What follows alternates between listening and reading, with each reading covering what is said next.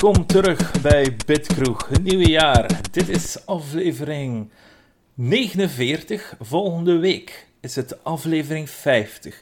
En om 8 uur 30 kunnen jullie live meeluisteren via Discord. Dus jullie moeten dan wel onze Discord joinen, als jullie dat willen natuurlijk. En door Robbie. Dag Robbie. Hallo. Gelukkig nieuwjaar. Ja, gelukkig nieuwjaar. Maar kunnen jullie, de luisteraars, jullie kunnen 10 games winnen. Belgische games. Wel, maar moet dat niet zijn? games, Belgische games winnen, dat klopt. Maar het zitten echte parels tussen. Dus zeker uh, meeluisteren. Jullie kunnen zelfs mee interacten met ons. Uh, een beetje commentaar geven misschien. En of, of zo verder. We zullen wel zien hoe het gaat uitdraaien. Maar we verwachten jullie sowieso om 8 uur 30 maandag. En de hoeveelste is dat volgende week maandag? Het is de tiende om 8 uur 30 live. Goed. Je hebt Robbie al gehoord. Uh, Tim, heb je ook al misschien een beetje gehoord op de achtergrond? Dag Tim, hoe is het? Hey, alles goed hè, alles goed. Ah, Oké, okay. nieuwjaar hè. En Ruud is er ook. Hallo. Hey, alles oké okay met u? Ja hoor, ja hoor. Een beetje examenstress, maar voor de rest... Oh, maar dat is niets. En je hebt nog nooit blijven zitten in je leven, dus uiteindelijk valt het allemaal Jawel. goed, hè. is het waar? Oké. Mag dat niet zeggen? Ça va, ça va. Oké, maar ja, maakt niet uit. Heeft nog genoeg punten waarschijnlijk. ja, ja. Uh, voilà. Goed. We waren eerst aan het discussiëren vooraleer we begonnen aan de podcast over wat gaan we doen of niet. Um, want het nieuws is... Hoe zeggen we dat, Robbie? Uh, hoe zeggen we dat? Minder? Ja. ja, het is vooral veel numbers en stuff. Iedereen dat zo met het eindejaars uh, hebben zoveel geld verdiend uitkomt, of globaal gezien, of specifieke bedrijven. Ja, en Game Pass heeft ook wel games aangekondigd. PlayStation ook, maar als jullie de diensten hebben, ga zelf even gaan pieken, uh, piepen. En dan gaan jullie wel zien wat dat jullie weer uh, op jullie bord krijgt. Um, maar goed, we gaan eerst een keer babbelen over het nieuwjaar. Hoe was je nieuwjaar? Heb je nieuwe gaming voornemens, Robbie? Uh, hoe, was het bij u gegaan? Uh, ik keek vooral op voorhand uit naar... Ah, ik, uh, vlak voordat de kerstvakantie begon, had het, de site waarvoor ik schreef gezegd van reviews krijgen toch niet genoeg hits en zo, dus we gaan dat niet meer doen, die betaalde reviews. dat is die Windows Report site dat ik even voorschreef. Ja. Wat ik ook begrijp, want hun uh, guides kregen veel meer hits dan gewoon reviews. En dan vroegen ze, wilde guides schrijven? zei ik, nee. zeg, het moet nog ja, altijd leuk aanvoelen en dat anders dan gewoon gelijk een fulltime job extensie zijn en dat wil ik niet doen. Uh, en heb besloten van, oké, okay, dan wordt de kerstvakantie voor mij uh, twee, drie weken lang backlog inhaal maar in de realiteit zijn er naar uh, familiefeestjes aan het gaan of cadeautjes aan het kopen of je zit met kinderen opgezadeld en uiteindelijk komt daar niet veel van in huis. ja. Wat dat niet wil zeggen dat je niet veel games gespeeld heb, maar gewoon zo niet de, de massa van uh, backlog-titels aanvallen dat ik voorzien had. -hmm. En heb je iets game-gerelateerd gekregen voor je kerst? Uh, vrij weinig eigenlijk. Mijn ja schoonbroer heeft mij 50 euro credit gegeven op Xbox, wat altijd welkom is, maar dat was eigenlijk nog een late uh, verjaardagscadeau. Ah, ja. um, ik heb van mijn vrouw gaming sokken gekregen. Ah, oké. Okay. Van die uh, met zo grappige figuurtjes op of zo? nee, zo met Xbox-controllers en dergelijke. Ah ja, oké. Okay. Niet van plastic nee. gemaakt. Of maar ik, ik heb mijn eigen wel laten gaan in cadeautjes die ik zelf gekocht heb deze keer. Gelijk zo. Uh, ah met Black Friday waren er van die muziekdoosjes dat uh, 50% korting hadden. En ik had dat dan voor Final Fantasy X, Zanarkand. Ja. En ah, de teamsong van Zelda had ik gekozen. Voor, ah, ja. uh, dat is gewoon dat je met zo'n een, een zwendelke moet ja. aan draaien. En dan speelt dat een deuntje af van een paar seconden maar of zoiets. Maar dat is wel heel tof. En zo heb ik er mijn eigen twee besteld. En dan nog heel wat games. Oeh, cool. Welke games? Uh, een beetje vaag of het voor mijn verjaardag was of voor de feestdagen of zo, maar recent heb ik uh, Bloodborne opgepikt, Miles Morales, mm. Demons, Souls, Ratchet Clank, wat nog? Nier Replicant. Maar, Allemaal goede titels, maar ik ga er waarschijnlijk al niet snel aan beginnen. Ja, waar, waar is uw tijd? Had geen tijd? Nee, dat, dat, is gewoon letterlijk, die komen in mijn kast in plastiekje en dan volgend jaar kijk ik daar eens Ah. met veel verdriet naar. Van. Ja. Altijd En geen misschien tijd kun je binnen vijf jaar, als de kinderen oud genoeg zijn, kun je Ratchet een klankmachine geven aan. Ja, maar het is wel soms raar welke games dat ik speel dat zij meekijken en dat ik dan denk van, eigenlijk valt dat wel mee. Gelijk, ik ben Halo Infinite beginnen spelen en Ja. mijn dochter was aan het meekijken en dacht ik van, oh nee, een shooter is aan het meekijken. Maar eigenlijk is dat een Nee, maar pretty low violence shooter eigenlijk. Ja. Je schiet wel op vooral- vijanden, maar het is niet dat je een kop eraf vliegt of zo. Nee, en de, de grunts zeggen ook wel rare dingetjes af en toe, dus, dus Ja. het valt allemaal goed mee in dat opzicht. Maar we gaan dadelijk wel nog over Halo babbelen, denk ik. Tim, ehm, dezelfde vraag voor u. Hè. Hoe was uw nieuwjaar? Go- goed waarschijnlijk, hè? meestal aan de foto's te zien van Ja, het eten. kal- kalm, naar, eh, kalm naar mijn eh, gewoontes. Eh, Oké. Maar ik heb naar aanloop van nieuwjaar, de dag ervoor eigenlijk, mezelf een cadeautje gedaan. Namelijk een eh, OLED gekocht. Een Ehm, of een Samsung of een... Ik heb gekozen voor de laatste nieuwe Philips, die eh, in september is denk ik uitgekomen. Ehm, Ja. Dat is eigenlijk exact hetzelfde als de eh, LG, eh, maar... ehm, Met Ambilight. Ja, met Ambilight, voilà. Dus, eh, Ah. Plus ook met Android TV als operating system. Dat is ook nog, Mhm. denk ik, een verschil.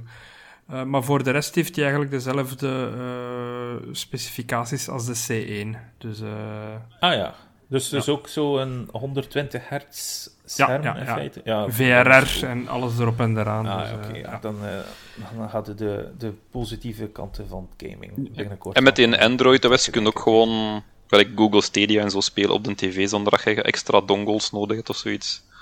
Ja, een Steam Link. En allee, ik heb nogal een aantal dingen. Ik heb er nog niet heel veel mee kunnen. Allee, ik heb hem ook nog maar vijf dagen. Eh, maar ik heb gezien, ik heb al een aantal apps gedownload dat ik dacht van, ah oké, dat is wel eh, handig. Ja, Ja, zelfs gewoon tv-dingen, hè. VTM Go en VRT Nu en ja zo. VRT er nu allemaal hebben we onder andere. Ja, ja, ja, ja. Ah, ja. Dus op zich is dat wel een interessant platform, denk ik. En plus ook, je kunt erop sideloaden. Dus er bestaan ook heel veel niet-officiële apps die je erop kunt draaien. Ja. Dus eh, ja. Oké. Goed, veel plezier met de nieuwe tv alleszins. Thanks. Eh, Alles voor Elden Ring, hè. ah, het zal wel zijn. Glorieuze 4K, 60 frames per second. Ik hoop dat... Een gouden. Ambilight ring rond de buitenkant van het scherm. Ja, allemaal Voilà, rolled van iedere keer you died, natuurlijk. Dat is- Ehm, Oké, cool, cool. En, en Ruud, nieuwjaar. Ja, ik heb voor kerst van mijn jongere zus Ja? eh, Persona 5 Strikers gekregen. Ah, En oh, tof, want het zit nu gratis. Ja, wel. De eerste dag, ik, keek naar die PlayStation Plus games en ik dacht, oh nee. Nee. Maar kijk, Ah, we hebben de rest ook op fysiek. De gewone Persona Oh ja, 5 het is en Persona 5 Royal en zelfs de Deluxe met de, met de masker en zo. Dus het is nog geen drama dat we het ook eh, fysiek hebben. En, Heb je hem al gespeeld ja, ondertussen? ja, ja. ja. Eh, ik zit aan het tweede, ik ben nu juist de, de tweede grote boss fight eh, is dus ja. Dus Oké, maar we gaan het misschien dadelijk nog zeggen, want het maar één game daar geschreven, dus Ja, we gaan zo. dadelijk wel dieper in gaan. En eh, ik heb ook een, eh, een lijstje gemaakt voor mezelf, met mijn backlog. Hm? En eh, voor nieuwjaar, dat is mijn nieuwjaarsresolutie, om mijn backlog uit te spelen. Ja, Dus, eens. Hoeveel games stonden erop? 20? Ja, goede 20, ja. Oké, oké. anders zeg ik, heb je ze bij je? Anders zeg je alle 20 en dan, Wat? dan gaan wij roepen welke dat moest zijn. Wacht. Ik heb ze op mijn profiel wel staan op Twitter. Wacht, eh, Ja. Ja. Oké, dat is Persona 5 Strikers. Ja, Dan ben je nu Ja, ben mee bezig. dus ja. Eh, Devil May Cry HD Collection staat erop. Mm. Kingdoms Ja, het zit gestopt al, omdat... Ja, half gestopt, zo, maar ik ga het nog verder spelen. Ik ga het verder spelen. Ah ja, va, ça Eh, Kingdoms of Amalur Reckoning, eh, Horizon Zero Mhm. Dawn, Miles Morales, Yakuza Zero, Mhm. Dragon Age Inquisition, Great Ace Attorney Chronicles moet ik nog uitspelen. Dan zit ik zo aan het einde dat ik eigenlijk gewoon nog moet Heb je, al uitspelen. een eerdere, heb je al een eerdere Ace Attorney gespeeld? Nee, gewoon eh, Chronicles heb ik de eerste van de twee uitgespeeld en dan de tweede zit ik zo halverwege. Dus ik moet eigenlijk gewoon nog uitspelen. Oké, ça va. Eh, Hollow Knight, Final Fantasy 7 gewoon en remake, wil ik alle twee spelen. Ehm, Final Fantasy 8, Red Dead Redemption 2, Final Fantasy 13, The Gunk, Firewatch, Mass Effect Andromeda, Disco Elysium, Final Cut, Sizable, Celeste, Pokémon Shining Pearl, eh, Link's Awakening op de Switch en Luigi's Mansion 3. Oké, ik heb één. Ik heb er één kunnen uitpikken. Robbie, wat, wat ga jij zeggen tegen Ruud als Als wat? absolute... Ah, wel, heb je geluisterd naar de lijst? Wat denk jij dat ze moet aan beginnen direct? Oei, Robbie valt uit de lucht. Ja. Tim, Ehm, ik zou zeggen Miles Morales. Want het is Ehm, kort, hè? Het is kort, Ja. wil ik maar net zeggen. Dus die kan je er perfect bij doen en dan heb je een geschrapt van je, eh, van uw backlog. Maar is dat echt kort? als, je geen, als je een completionist bent, gaat er waarschijnlijk wel 20 uur mee bezig zijn, niet? Robbie, ik wou net zeggen van de normale mensen is. Nee, inderdaad. En ik heb gezegd dat ik geen plaats doe, dat ik eerst het lijstje wil doen, Ah, ja. dat ik eerst het lijstje wil afwerken en dan misschien terug ga voor plaats. ik zou Celeste zeggen. Ja, dat is echt moeilijk. Want dat, dat moet je game Ja, mijn handen doen ervan pijn. Als ik dat Ja, maar soms heb je gewoon geen goesting in challenging games. Hmm, dat is ja, pak maar Yakuza Zero van eerste keer. Nee, dat is niet challengen, dat is gewoon op X blijven drukken. X, X, X, X, X. Of... Ja, oké, oké. Robbie, heb jij eh er eentje uitgekomen? Hmm. Er eentje uitgekomen. Ah, wel, heb, je, heb, heb je geluisterd naar de lijst wat daar Ruud zei? En welke game zou jij uitpikken van die lijst om Ruud om er direct aan te moeten beginnen? Ik ga zeggen Miles Morales ook, omdat ik die ook ga doen. Dan kunnen we Ah, erover ja. spreken samen. Ah ja. Ah, voilà, Oh ja, dat oké, ik was aan het kiezen. Ik ben nog zo'n paar games op Xbox aan het afwerken. En dan wou ik op, ik, op PlayStation ofwel Ratchet Clank ofwel Miles Morales beginnen spelen. Dus. Mm. Oké. Hmm. Ik zal dan voor Miles gaan, hè, dan kunnen we er samen over babbelen. Het is van een goeie. Dus ik ga Strikers proberen zo snel mogelijk uit te spelen en dan eh Ja. Miles Morales. Dus dat hoe- we gaan nu even beginnen aan het games-gedeelte, aangezien dat je nu toch over Persona 5 Strikers eh, zit. Ehm, dus Persona 5, Yes. dat was eh, gewoon een RPG, klassiek. Mm. Je had dan eh, de volgende game, de, ja, niet de volgende, maar wat was het? Royal was zo een upgrade soort van. Er was, Upgrade. er ja. was extra DLC en er waren zo wat quality of life changes. En heb je die gespeeld? Oké. Maar Persona 5 Strikers gaat niet door op Royal, Mhm. maar wel op de originele Persona 5, toch? Hè? Hoezo? Inderdaad. Ja, dus dus al, al die Royal content ja. telt eigenlijk niet. Nee. En dit is een, een eh, Dynasty, eh, Dynasty Warriors-achtige titel, toch? hè? Ja, inderdaad. Zeggen ze. Moesel. Klopt. Oké. Is het leuk? Het is, ik heb nog nooit een Dynasty Warriors game gespeeld in mijn leven. Dus voor mij was dat een eerste eh, ervaring. Maar het- ik vind het wel leuk. En ik was eigenlijk... Allee, ik was op normaal begonnen. En dan heb ik het op gemakkelijk gezet, gewoon omdat ik het verschil wilde zien. En gemakkelijk vond ik dan leuker dan normaal. Omdat echt gewoon Ja, brain off, coole moves doen. En ja, ja. Vierkantje, vierkantje, vierkantje. Dus Driehoekje, iets... driehoekje, ja, driehoekje, ja, driehoekje. Ja, Ja, ja, ja. en het ziet er super cool uit. En je kunt als... eh, dus hebt je, je party. En in Mhm. Persona 5 en Persona 5 eh, Royal kun je alleen maar als Joker, dus als hoofdkarakter spelen. Maar in Ja, Strikers kun je wisselen van partymembers. Dus kun je bijvoorbeeld doorheen de wereld lopen als een van je andere partymembers, wat ik wel Ja. leuk vind. Dat is zo een klein detail. Ja, dat is zo'n klein detail, maar dat ik wel immens leuk vind. Uh, Mhm. Dat je niet alleen in battle kunt wisselen, maar ook in exploration kunt wisselen. Dus dat vind ik wel tof. En ook, eh, er zijn twee nieuwe karakters en ik vind ze alle twee ook wel super, super leuk. Mhm. Dus, Ja, dat heb ik begrepen dat dat wel coole characters zijn. Ja, dat is juist. dus op dit moment goed. kan ik alleen maar aanraden. Ja. Maar het schijnt eigenlijk ook wel dat het meer naar Persona leunt dan naar Dynasty Warriors, eerlijk Mm, gezegd. Dus ja. dat het nog wat meer... ehm, dat het niet zo button mashing is, dat er nog wat meer RPG-elementen in zitten. Want Dynasty Warriors is echt gewoon op een grote map lopen naar punt A, dat verdedigen, terug naar Ah, punt nee, B nee, en- totaal en, niet. zo verder. Nee, ja. Ah, wel. Nee. het, Dus is echt, het eh, is- het, is echt, het is echt een mooi verhaal in en zo. Het is ook zo een soort palaces. Ook al noemen ze niet palaces en zo, maar En zit er tussen de, de battles, moet je... terug naar de echte wereld. Ah, ja, ja. um, niet per karakter. Het is eigenlijk met heel de groep samen dat het een bond is. Ehm, maar hoe, meer, hoe verder je erin geraakt, hoe meer dat je ook kunt unlocken met die bonds. Ja. Dus het is een beetje hetzelfde principe. Dus, Oké. Cool. Hmm. Mhm. Oké, maar dan... eh, ja, ik ga niet spelen, ze daar niet van. Persona 5... Ja, er zijn nu al drie titels in die Persona 5-reeks, dus ik ga er echt niet meer aan kunnen beginnen. Jammer genoeg. Hij is Ehm, korter dan eh, Royal en The Hoon, als dat je beter te voelen. Maar het is wel een vervolg. Ik wil Royal wel spelen ooit, maar ja, dat is ook weer zo'n daunting titelke. Ja, Royal is ook... Als je voor plaats wil gaan, is Royal gemakkelijker, maar je hebt maar één playthrough nodig. Dan eh, Ja. gewoon eh, Persona 5. Oké.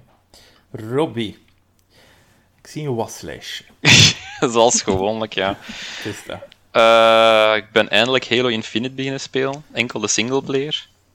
Tot hiertoe niet super onder de indruk, moet ik zeggen. En ik snap ook de heel hoge scores niet dat sommige mensen eraan geven. Maar dat is, again, terug puur op de singleplayer gebaseerd. Het is een redelijke rinse and repeat open world. En dan zo heel veel dingen waar dat games gelijk Far Cry of Assassin's Creed op afgerekend krijgen, krijgt dan Halo op een of andere manier niet op afgerekend, wat ik raar vind. Eh, en dan waren er ook nog wat technische issues dat ik had. Zoals, ehm je hebt echt zo vegetation, dat is op een paar meter van je gezichtsveld in één keer into existence sprout. Dat is nog puur visueel, kan ik nog mee leven. Maar dan zo vijanden dan in één keer zo, je gaat dat hoekje om in één keer poef, daar staat een vijand dat er een seconde geleden niet stond. Of je zit aan de rand van een klif aan het zoeken, hoe kan ik dat hier oversteken? En je ziet ergens een brug en je stapt een beetje verder, in één keer poef, de brug is er wel. Zeg, ah, dat is wel belangrijke informatie om die brug te zien. Ja. Eh, Maar ja, als, als je de grapplinghoek uiteindelijk gigantisch uplevelt, kun je overal wel... Ja, nee, niet over die grote chasms geraken, denk ik. Dan valt de gewoon te pletter. Oké. Maar, en dan ook nog zo, ja, het is, Halo is er altijd voor bekend geweest voor zo, als je een keer een open area hebt van hier is een vehicle en amuseert u, en dan gans deze wereld is eigenlijk totaal niet gebouwd voor vehicles, tenzij misschien rondvliegen. Alles van een tank of op wielen of zo is direct van, daar is een boomje in de weg, of daar is een steentje dat zo iets te ver uit de grond uitsteekt. Ja. Komt er nog eens bij dat, het, dat ik het toch wel gewoon niet snap of zoiets, maar die vehicle controls zitten volgens mij 100% op die left analog stick. Maar die Eh, luisteren ja. totaal niet naar wat ik wil dat ze doen. Gelijk als ik met die Warthog aan het rijden ben, wil die maar geen bocht oppakken soms. Dat is van, nee, we gaan rechtdoor. Maar ik duw naar rechts, wij gaan naar rechtdoor. Ja, omdat je kijkt rechtdoor. Dat is het probleem met de, de vehicle controls in Halo. Je, je rijdt naar wat je kijkt. Maar ik heb dat probleem niet bij die vliegende dingen, omdat dan, ja, dan strafte precies gewoon schoner. Ja, inderdaad. Want die zijdelings kunnen rijden al, hè. En Mhm. die vliegt, die dingen kunnen dat niet. Maar dan bij die tank heb ik dat probleem weer niet. Omdat dat dan gewoon, als je dan je left stick gebruikt en je tilt die naar links, dan je niet naar links, maar dan blijft je tank gewoon ter plekke staan en dan roteert je as en dan duw je gewoon weer vooruit. Dus dat is zo tank controls, dat snap ik ook wel. Mhm. Maar als die, die in een moto of zo, of die in een bike, dat is echt zo van, ugh. Ja. Ik vind die controls verschrikkelijk. Maar Ja. de pluspuntjes, die grapple hook is serieus cool, ook om in combat te gebruiken. Mhm. Ehm, ik, gebruik, ik rely er zelfs heel neig op in combat, want ik vind de meeste grotere vijanden nogal net iets te bullet spongy. En ik ben zelfs op easy en normal aan het spelen, afwisselend. En ja, ik vind gewoon zo, like, een gewone grunt, dat is echt zo'n vijf keer op schieten en twee keer een grapple hook to the face moeten doen, eer dat die neervallen, vind ik zo net iets te veel effort moeten doen soms. Dan heb ik liever meer vijanden en evenveel kogels dat je verbruikt, bij wijze van spreken, dan dat je zo op Ja. een paar vijanden, dus echt zo van acht headshots op hun kop doet en ze vallen dan pas neer. Mhm. Eh, en dan het beste punt eigenlijk vind ik de interface, allee, hoe dat je praat met Weapon, met de nieuwe Cortana. ja, die is wel cool. Dat vind ik heel tof, hoe dat die, die, die gelaatsuitdrukkingen en die animaties en zo, en hoe dat die zo het van, I've got this, I don't got this. Zo, dat is wel heeft tof. wel een, leuk karakter natuurlijk, dat is wel waarheid. Ik vind het ook.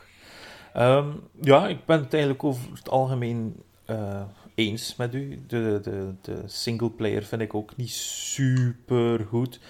Multiplayer daarentegen. ja, Maar wel, moest ik de, de singleplayer op zich raten, Ja. zou ik zo gelijk naar 7,5 gaan of zo. Ja, 7,5. Ja, klopt. En, en, de, en de, zoals ik al eerder heb gezegd, nee, het is helemaal gelijk. Het voelt zo redelijk Eh. neig aan als het moest een open world zijn, dus we hebben maar een keer een open world gemaakt. En Ja, Dat erg niet echt- safe gespeeld. hè. Ja, erg voilà. safe gespeeld, omdat, omdat ze niemand durfde tegen de schenen schoppen waarschijnlijk. Hè. Dus echt gewoon klassieke Halo 1 een nieuw daglicht te stoken. met het logische open world. Ja, systeem. en waar dat je dan bij de vorige iets betere setpoints had, eh, van die set-piece actions had, voel ik dat die hier een beetje ontbreken. En dan sturen ze zo van, ah ja, en nu moet je vier keys gaan halen op deze locaties van de map, wat dat zo story-wise ook niet zoveel logica heeft voor die computer dat toch met alles interfaced van op een afstand. Eh, en dan moeten ze naar vier locaties gaan, dan ik weet niet veel traversal is als je die, eh, die fast travel points nog niet gedaan had. En ik wou deze eigenlijk zo van, nee Robbie, ik ga nu een keer gewoon puur voor de story gaan en geen extra open world shit en voor de 100% gaan of zoiets. En dan verplicht de game je zo semi toch een beetje van het te doen. Ja, klopt. dat is waar. Ehm, ja, maar de gunplay, hoe, wat vind je daarvan? Vind je dat Ja, leuk die zit wel goed in zoverre dat ik het heel tof vind als er gelijk een vijand naar u toe loopt en je schiet die neer of zo, dat die gelijk zo nog een beetje verder glijden. Dus die, eh, die, die ragdoll dingen zitten wel tof. Maar again, ik vind te veel vijanden een beetje te bullet spongy. Mhm. Je hebt zo wapens dat letterlijke impaling rocket launchers zijn of zoiets. En dan bij zo alles wat dat ietsje groter is als een standaard grunt, moet je er minstens twee keer op schieten, toch? Ja. Oké. Maar in de, in de multiplayer is het anders natuurlijk. Hè. Daar is een rocket is een rocket. En dan zijn Jawel, geen zo zou het moeten hè. zijn. Mhm, nee, ik snap het. En dan eh, een paar games met schaduw in de titel gespeeld. Ehm, White Shadows, dat lijkt op eh, Inside Limbo-achtig. Dus een redelijk korte game, 2-3 uur kunnen die uitspelen. Gewoon zo'n side-scrolling 2,5D platforming ding, waarin dat jij speelt als Raven Girl. Ehm, er zitten een beetje zo racistische verwijzingen in, want jij zit dan zo de plaagbrenger als de Raven. Eh, en dan is er zo verschillende eh, gradaties, gelijk de varkens, maar daarboven de wolven en zoiets. Maar dat verhaal wordt zonder al te veel dialogen verteld, dan moet je gewoon een beetje ervaren. Ik vond hem in het begin niet zo heel goed. Hij startte een redelijk zwakjes, met gewoon, ja, letterlijk van, het is een zwart-wit platformgame, ze proberen inside te zijn, maar ze vergeten een beetje de commentaar dat die game leverde, en dan uiteindelijk komt dat wel op gang in White Shadows, gelukkig. En dan was er zelfs zo één stukje dat ik echt iets had van, ah ja, bravo. Zo even eh, in de handen klappen van goed gedaan. En dat was met zo een stukje waar dat je gewoon aan de ladder naar beneden aan het kruip- kruipen bent. En terwijl er zo armen, dat zo eieren aan het sorteren zijn op het ritme van...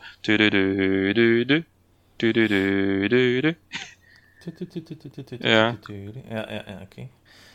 Ook klas- veel klassieke muziek ook, maar dat zie je tegenwoordig veel in indies. En dat is eigenlijk gewoon omdat die allemaal zo license-free zijn. Dat die voor de klassieke muziek gaan. Eh, en dan heb ik ook In My Shadow gespeeld. Ehm, dat is een game dat ik al even op de gaten had, omdat dat iemand was dat me ooit eens gecontacteerd had van hey, wilt je mijn game reviewen? Maar dat was toen alleen nog maar op PC. En hij zei, maar binnenkort komt het wel naar Xbox. Dat was nu het geval. En ik heb hem nu in handen gekregen, maar ik zat even in die periode van, ik ga niks van reviews erbij pakken. Eh, en maar goed ook, want ja, ik, ik vind het zeker geen slechte game, maar ik zit even niet in een mindset voor moeilijke puzzelgames. En deze is zo eh, terug 2D-platforming, maar je kunt switchen naar een 3D-ruimte en dan moet je dus eigenlijk zo tafels, stoelen en dozen verschuiven in die 3D-ruimte. En afhankelijk van waar de lichtbron is, cast dat dan een shadow op die muur. En het is op die shadow dat je platformt. Ah, Maar ik vind dat zo moeilijk om mij daarin te verplaatsen in die 3D-wereld, waarin dat zo elke pixel dat je verschuift eigenlijk een nieuw groot impact heeft op die in een 2D-wereld. En dat je dan echt zo met een millimeter schuiven zo net erop kunt springen of net niet erop kunt springen. En dat dat dan altijd zo trial and error is of zo, dat steekt een beetje tegen. En toen zag ik dat de game u weinig of niet afstraft voor gewoon skip level te doen.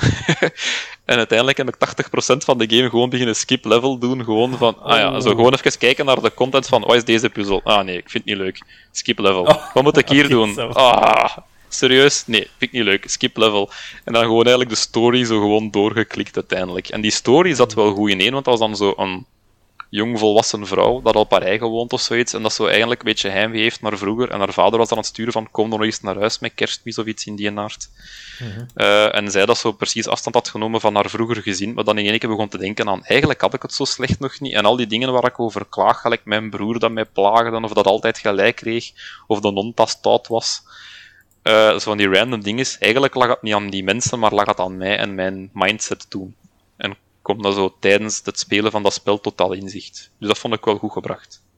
Oh, oké. Zo. En eh, dan redelijk exciting nog. Ik heb door de volledige game, of net de hoofdbaas niet gespeeld van Trifox, voordat hij uitkomt. Ah, Daar kan ik om logische redenen nog niet heel veel over zeggen, aangezien de game nog moet uitkomen. Maar ik, heb even, ik vond het wel leuk om eens te playtesten op voorhand. En kan wel al zeggen dat ik redelijk onder de indruk ben van de game. En dat ik blij ben met het resultaat dat er gaat uitkomen volgend jaar. ah, ik ben benieuwd. Het is echt wel op zo nog wat kleine logische bugs dat gewoon. Ja, live, live playtesting nodig nu, hè. playtesting en zo'n beetje bug, bug reporting en zo. Maar op de kleine dingetjes na ziet er echt wel een solid, toffe game uit. Ja, dit Dus ik ben jaar daar heel blij mee. Ja, ja, dat komt jaar- dit. Het is al een paar keer zo. uitgesteld geweest, maar dit jaar komt hij zeker uit. Ah, oké. Wanneer exact weet ik ook niet. Je staat nog altijd toe bij Defiance, dus dat wil meestal zeggen dat ze het zelf ook zo zeker nog niet weten of zo. Maar dat zal ervan afhangen wanneer dat één, de PC-versie volledig klaar is en hoe lang het duurt om alle console ports af te krijgen, want ze gaan wel voor een joint launch proberen gaan waar het overal tegelijkertijd uitkomt. Ja. Maar dat is zo goed als zeker dit jaar, want ik, ja, ik, ik zeg het, ik heb de game bijna volledig uitgespeeld. Er was zo één bug, dat de, een, van de voorlaatste bazen bleef zo in een looping dingen zitten, dat dat mij geen kans gaf om hem te beschadigen, dus ik kost niet verder gaan. Maar dat was echt dan bijna aan het einde van de game, dus dat krijgen ze zeker allemaal dit jaar in orde. Dus dat. En dan over eh, dingen die kapot zijn, even gesproken, of toch dingen die mij tegengewerkt hebben. Eh, terug Bravely Second beginnen spelen. Ik heb dat al een paar keer vermeld in een game. Dat is precies zo. Dat ik er al een gans jaar op en af aan het spelen ben geweest op de 3DS. Eh, ik zette mijn 3DS eh eergisteren op en in één keer gaf die zo het rode knipperlichtje van die batterijsplat. En ik van, dat kan toch niet? Ik heb die een ganse nacht opgeladen. Dus terug ingestoken. Ik speel altijd s'avonds, de volgende avond terug, trek dat kabel knut, zet hem op, batterijtje pinkt zo ting ting ting ting ting ting ting. Even opgezocht, blijkt dat die batterij kapot is. Hmm. En dat is blijkbaar slecht nieuws, want een nieuwe 3DS kopen is voor een of andere reden nu duur. Eh, die zijn blijkbaar redelijk gewild, 3DS en nieuw 3DS. Is het? Ah, dat wist ik niet. Ja, Maar waar- een batterij kun je wel kopen misschien? Ah, wel, dat zei iemand toen, die batterij kopen. En één keer viel mijn frank van, god, ik heb zelf nog een batterij liggen, want mijn vorige 3DS, die had ik Ja. zo volledig dismantled, die was echt naar de vaantjes. Eh, ik had die een min of meer kapot gekregen, omdat die scharnieren al niet werkten. Mijn dochter heeft dat dan gewoon bij in twee geplooid, eh, oh. toen dat ze twee jaar oud was of zo. ken En ik heb toen een keer als een soort van project in de volledig uit elkaar gehaald, gewoon om te zien van, eh, ik wil zien hoe die er van binnenuit ziet in elkaar. En die batterij was intact en ik had die blijkbaar opzij gelegd nog. En nu kwam die van pas, want die zijn blijkbaar vervangbaar. Zo, jee, het werkt. En het werkt nu weer? Ja. Is gelukt? Terug blauw lichtje en ik kan terug spelen zonder het draadje erin. Kijk eens aan. Dus dat is dan direct een van mijn voornemens, dat ik eindelijk al die drie eh, backlog games van een 3DS uitspeel dit jaar. En dat is Bravely Second, dan Phoenix Wright Trials of Justice, denk ik. Of Spirit of Justice is de naam. Mhm. Eh, en nog Majora's Mask. Ja, hoor. En dan verdwijnt hij even in de kast. Oké. En ga ik eindelijk aan Switch-titels beginnen uit de backlog. Goh, ik, kan, ik, ik moet dat gewoon afzetten. Die, die games in de backlog, kijk gewoon vooruit. Vol- Elden Ring. En, oh, en Horizon, eh, Horizon Zero Dawn komt ook uit. En oh, om dat allemaal te combineren is oef, veel te veel werk, vind Maar Ja, maar dat is mijn probleem. Meestal die recente games die verdwijnen dan meestal in de backlog voor binnen vijf jaar. ja, jawel. En, en we zijn altijd zo, ja, maar als we op pensioen zijn, gaan we eraan beginnen. Ik krijg rillingen. Tim, ik zie hier twee games. Het zijn een beetje dezelfde type games. Het zijn twee deckbuilders, hè. Ja. Ja, ja, ja. Maar Vertel wel twee heel diverse ja. deckbuilders. Eentje Ehm, wat goede gevoelens en eentje met minder goede gevoelens, denk ik. Of ben ik verkeerd? Nee, nee, nee. Ik heb over beide goede gevoelens. Eh, Ah, het eerste is Inscription. Ik denk dat het al een paar keer over geweest is eh, in de podcast toen ik er niet bij was. Ah. Wel, hij, eh, hij, staat heel hoog in de Gotti-dingen. We gaan er straks nog over hebben. Ja, ja ik weet Heb je niet... hem uitgespeeld? Ik heb hem uitgespeeld. Ehm, Oh, en ik vind hem heel goed. Eh, voilà. Ruud, Ik- die moet je op je lijstje zetten. Inscription. Jongen, al die games die op het lijstje staan, heb ik al op dit moment. Dus Ah, maar Inscription is, is nog beter. Dan, dan. ja. Nee, Ehm, kan, Ja, ja, het is moeilijk om te vertellen, hè? Maar we het is gaan moeilijk om te misschien- vertellen. We gaan Maar- misschien op de... dadelijk gaan we misschien wat spoilers vertellen. Om- ja, ik ga en- gewoon heel kort, heel kort zeggen van... Ja? Het, het speelt als een rare deckbuilder waarbij dat je ook kunt rondlopen in de omgeving. Ja, Dat is toch al vrij speciaal, dat je van tafel Ja. kunt gaan en bepaalde acties kunt doen. En je kunt dus dingen doen buiten het kaartspel die je helpen bij het kaartspel. En dan komen daar nog wel layers bij die het spel speciaal maakt. Ja. Ja. En dat is de uitleg dat iedereen geeft, omdat het zo cool in elkaar zit, maar je kunt niet meer vertellen. En dat Nee, is het nee, probleem. Maar eenmaal dat je het speelt, en sommige geheimen die verstopt zitten, dat laat je ogen open gaan terwijl je aan het spelen bent. Dan heb je echt van, wat de hel is er hier aan, aan de hand? En dat is echt een van de coolste momenten in die game. En wat ook tof is, is als mensen het, eh, het spel zouden gespeeld hebben en uitgespeeld hebben, eh, moet je een keer op internet op zoek gaan, want daar zit nog een heel AR-game bij dat eh, ja, echt heel diep gaat. eh, met allemaal informatie die je nooit had kunnen vinden in het spel zelf. Oh, is het? Mooi. Ja, ja. Er zijn bijvoorbeeld, ik denk niet dat ik hier iets mee spoil, nee. Op een gegeven moment komt er een, een, een websiteadres in het spel voor. Ehm, ja, als je dat websiteadres gaat, gaat gebruiken en gaat opzoeken, eh, dan was er blijkbaar, want het is niet meer, was er een reservatieformulier en de eerste mensen die zich daarop eh, ingeschreven hebben, hebben ook werkelijk een brief thuis gekregen met extra informatie over lore uit het spel. Cool. Dus dat is heel cool. Ehm, ja. Maar dat geeft al aan dat het spel toch wel meer is dan een standaard deckbuilder. Ah, ik ga dadelijk gaan we een kleine spoiler uit de doeken doen eh, in ons volgende deel dadelijk. Maar we, eh, dat is voor Subiet nu nog niet mee in zitten. Nee. Dus, eh, en dan ga ik over de andere deckbuilder, die wel een meer traditionele deckbuilder is. Griftlands hebben we het dan over. eh, dat ja, afgelopen weken eh, stond al een tijdje op mijn wishlist, maar was nu op Steam in de sales, de winter sales. Ja. Ehm, dus heb ik die gekocht. Ehm, ja, wat daar heel tof aan is, is je hebt eigenlijk twee... Het zijn eigenlijk twee deckbuilder games in, in één. Ehm, het ene is een heel traditionele, dat zijn nu battles die... pff, ja, eigenlijk de battles zelf zijn niet zo speciaal. Ehm, het, het toffe is dat je, voordat je een battle doet, of vele andere situaties, kan je met onderhandelingen eh, oplossen. En onderhandelingen, die, dat is eh, ook een deckbuilding game op zich. Dus dat is ook, Mhm. maar met een ander deck, met andere mechanismes. Eh, en dan zie je eigenlijk uw argumenten en de argumenten van hun tegenstander en dan kun je die aanvallen. En al die argumenten die eh, geven bepaalde eh, boons. Dus ja, het is, het is een beetje complex om uit te leggen, maar als je screenshots ziet, zie je eigenlijk dat die argumenten rond de personages draaien en dat je die dus kan targeten met je kaarten. Ehm, Ja. ja, en soms moet je dat doen. Dus soms, so- soms kun je niet gewoon zeggen van oké, ik ga eh, mijn tegenspeler eh, of mijn tegenstrever eh, aanvallen. Soms moet je gewoon ervoor kiezen om eerst ja, een aantal van die argumenten aan te vallen voordat die argumenten te sterk worden. Ehm, en dat vond ik heel tof. Er zit ook nog een friendship systeem in, namelijk je moet in die wereld kan je kiezen hoe je je, je gedraagt. Eh, Daarmee kan je eh, ja, vrienden winnen, maar ook vijanden maken. En vriendschappen die geven u bepaalde boons. Hè, dus mensen die Hades en zo gespeeld hebben, gaan die boons wel eh, heel Ja. bekend klinken. Maar er zijn dus ook negatieve boons. Voor, als er, voor iedere persoon die u haat, krijgt je ook een negatieve. Ehm, ja, en dat maakt het op zich ook wel, wel heel tof. Eh, ik vind de graphics ook leuk en het verhaal is ook heel onderhoudend. Oké, nice. Hmm, oké. We gingen eerst dus over het nieuws gaan, zoals eerder gezegd. Maar we gaan dat even over, over ja, de, voor de volgende keer.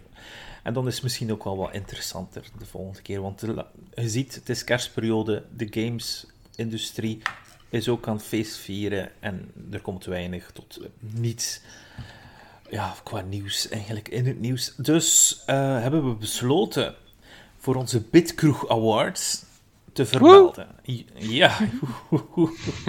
Eh, Ja, ik ben een erg enthousiast persoon, dus eh, nee.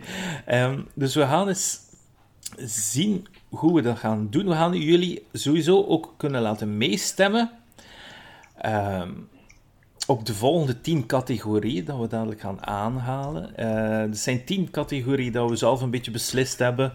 Uh, jullie kunnen ook zelf nog toevoegen, mochten jullie dat willen natuurlijk, en zo votes voor jullie titel ophalen.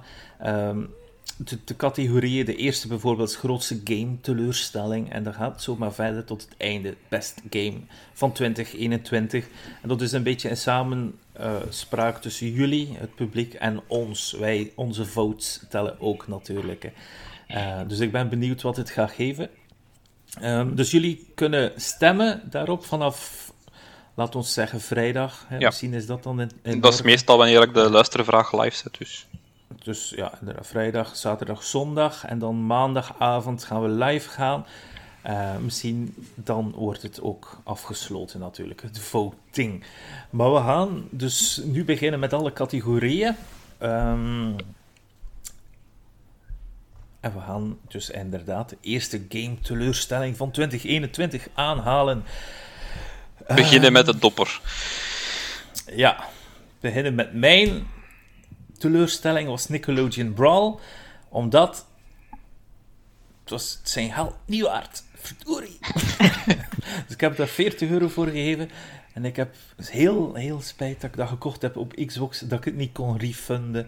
Want ik vond het echt niet de moeite om te kopen. En nu vooral, want nou, dat die Warner Brothers titel, die uh, onlangs is getoond geweest, die ziet er zoveel beter uit. Ze hebben voice acting, de graphics zijn wat beter het is gratis dan nog. Shaggy zit erin. 40 euro. Ja, en Shaggy zit. Super Shaggy zit erin zelfs. Uh, Nickelodeon Brawl vond ik echt een teleurstelling. Er zijn mensen die fan zijn, maar ik absoluut niet. Um, de volgende, ik denk dat Robbie die ja. kan halen. 12 minutes, uh, niet? 12 Minutes was zo eentje dat ik al heel lang in mijn most anticipated games zitten had. Gewoon puur omdat ik het concept zo cool vond van die time loop en diezelfde 12 minuten altijd opnieuw te beleven en zo. Mm. En ook al was die spel technisch gezien eigenlijk wel redelijk goed aangepakt, die 12 minuten en zo, bleek al snel dat ja, je zit sowieso met een concept waarin dat je veel repetitie hebt en dat je op je geheugen moet betrouwen en zo. Maar dat er ja. nog een keer heel veel stukjes in van dit kon ik onmogelijk weten zonder een guide te raadplegen of zo, van welk effect dat dit juist ging hebben. Uh, en het verhaal viel er wat tegen ook. Voilà.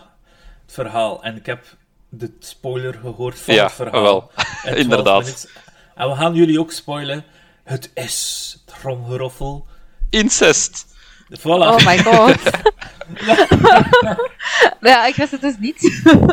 Oké, is het waar? Oh, het is ja. verschrikkelijk. Dat is altijd, als dat uw punchline van je game, dat is tof, hè? ja, ja, ja. Dus de, uh, het koppel zit opgesloten, uh, die vent zit in een time loop en uiteindelijk komt hij erachter dat het zijn zus is. Boom, boom, boom, boom. En Willem Dafoe is zijn pa. Of zoiets. Oh god. En daardoor was het een hele grote flop in de games-industrie. Dat dat verhaal zo op niets begon te slaan. Uiteindelijk in het tweede deel. Het begin viel nog mee voor velen, ja. maar dat einde was verschrikkelijk.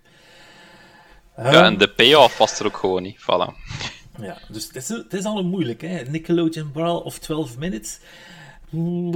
Ik klap er nog één bij. GTA of drie tegelijk. GTA Trilogy, ja. Gereleased, iedereen keek er naar uit. Hè. Zijn kindertijd even herbeleven.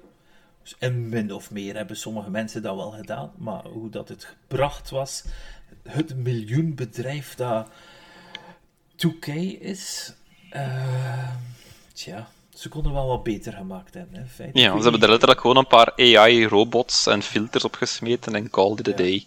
Ja. Tim, was jij tevreden? Nee, alleen het is grafisch teleurstellend. Het was uh, qua bugs teleurstellend. Uh, ja, allee, ik denk dat er weinig. Allee, ik snap dat mensen die echt heel, heel hard uitkeken om de games nog eens te spelen, ja, die zullen er wel genot van gehad hebben. Ik weet op het Discord waren er enkele die, het, uh, allee, die verschillende van de GTA's wel opnieuw hebben uitgespeeld op deze manier. Maar je kunt me toch niet vertellen dat dit is waar dat je echt op zat te hopen als je hoort dat er een remaster komt van GTA Trilogy. Ja. Dan had ik liever gehad dat ze gewoon elk jaar één zouden één voor één uitbrengen en deftig zouden remasteren. Ehm, dan heb je tenminste, allee, dan is het eindresultaat tenminste iets uh, allee, waar, waar mensen trots op kunnen zijn Ja. die het gemaakt hebben en mensen plezier aan hebben als ze het spelen. En laat ook die mensen toe, om anderen toe om die games te herontdekken. En dat wordt nu een beetje ontnomen, denk ik. Eh, zowel door ja, hoe bug-ridden het was, als eh, ja, het, het, het visuele resultaat. Ze worden daar jammer genoeg ook niet op afgestraft, want als je kijkt, heeft het gigantisch goed verkocht. Ja, Op naam alleen. Ja, dat klopt. En Dus welke waardevolle les trekken ze hieruit? Niks. niks. Dat klopt. Volgende is... Ik heb dat erbij gezet, denk ik, maar Robbie, jij was er nog wel positief over? Oh, nee, positief over. Ik heb die in een demo gespeeld en ik vond die in een demo heel goed. Maar de volle game heb ik nooit Ah. gespeeld.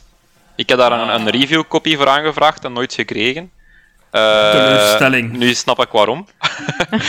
Ehm, maar ja, die, die gamebleak eh, viel blijkbaar heel hard tegen, maar ik denk dat ik hem waarschijnlijk wel positiever had beoordeeld dan de meeste mensen, omdat als uw grootste ding er tegen is, het is te simpel. Ik hou wel van een simpele no-brains game soms. Hmm. Ik vind dat niet erg.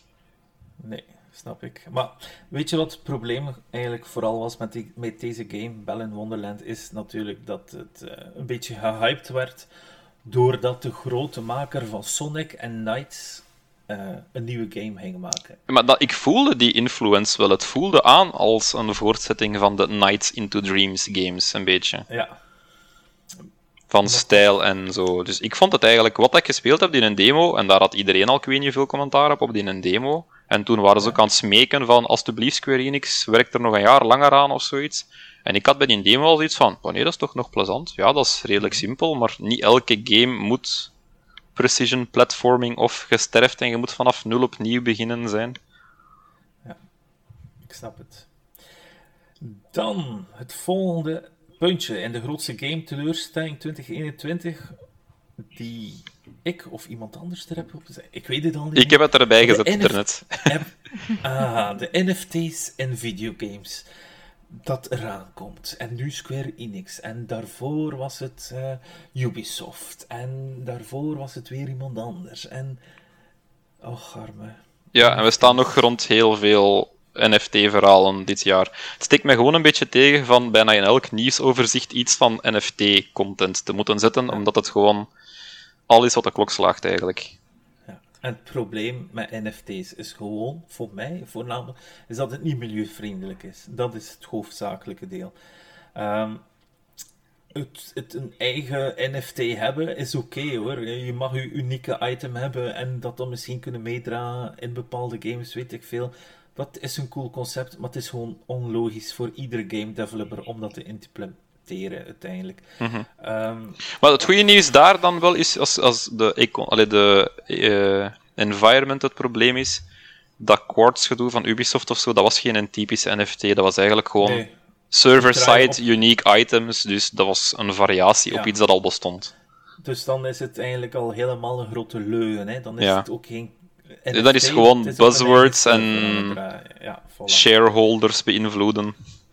Dus ja, we zullen zien of dat jullie daarop gaan stemmen. Misschien zijn jullie allemaal NFT-bro's, omdat jullie denken dat dit de Bitcoin-crew is. Ik heb al een paar likes gezien tussen de likes op Twitter eh, van crypto-bro's. Dat ik denk van, jullie hebben dit geliked omdat jullie denken dat dit een andere podcast is waarschijnlijk. En ja, ehm, en dan Activision Blizzard. Ruud, misschien, misschien is dat dat voor u? Ja, ik heb dat opgeschreven daar juist. Ah, oké. Ja. Ehm, ja, die, die lawsuit eh, is uitgekomen dit jaar, denk ik, dat dat gebeurd is. Ja. Eh, Ja, Wel ja, Ja, dit dan- jaar is 2021. ah, vorig jaar, vorig jaar, sorry, mijn excuses. maar het is Eh. niet aan het nieuws gekomen ooit van tevoren natuurlijk. Ja, wel, eh, dus dat is echt zo op het forefront. eh, dus ja. En als Blizzard-fan is dat wel jammer, om dat zo te zien. Wel, zeker en vast. En plus daarbij is ja, Activision voor mij sowieso al een teleurstelling. Mm. Het feit dat Blizzard eraan vasthangt is al... eh, Mhm. Die hebben vaak slecht nieuws gebracht voor mij. Van, ah ja, we hebben een team van Toys for Bob, ja, van Spyro en Crash. Ja, we gaan die ook eh, laten werken aan de Call of Duty's. Ja. Wauw! Ja, Allee, jong. ja, ja, ja. Ja. Oké, maar gaan we ma- wel maar vijf pakken in deze Ja, categorie? dus er moet er eentje gekut worden. Ik zou voorstellen om Bellen Wonderland Ja, eruit te halen. Voilà. Ik wou net zeggen, het is niet dat iemand daar ooit hoge verwachtingen van had, dus kun je Voilà. er ook nooit niet teleurgesteld Dat, en de mensen die het nu gekocht hebben, je kunt dat blijkbaar overal in elke winkel vinden aan 5 euro nu, of zo al ondertussen. Dus ook al heb je dat gekocht, je gaat er nooit veel geld aan kwijt zijn, dan is het ook niet zo'n teleurstelling. Dus onze vijf keuzes voor de grootste game teleurstelling 2021 is Nickelodeon Brawl, 12 Minutes, GTA Trilogy, NFT's in videogames of Activision Blizzard. Dit is de ene award die je niet wil winnen. ja, inderdaad. Ehm, mm, wat zouden jullie kiezen? Ik ga voor NFT's in games. Ik denk ook dat ik daarvoor zou gaan.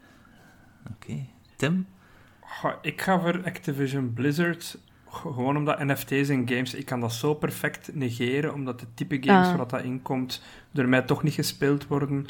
Dus dat ze allemaal maar doen, ik heb daar geen last van. Ja, voor mij ook. In mijn privé-speel-environment gaat dat ook niet veel invloed hebben, maar gewoon in mijn professionele, waar ik dagdagelijks mee bezig ben, word ik er zo vaak Ja. mee geconfronteerd nu dat ik het beu, beu, beu ben.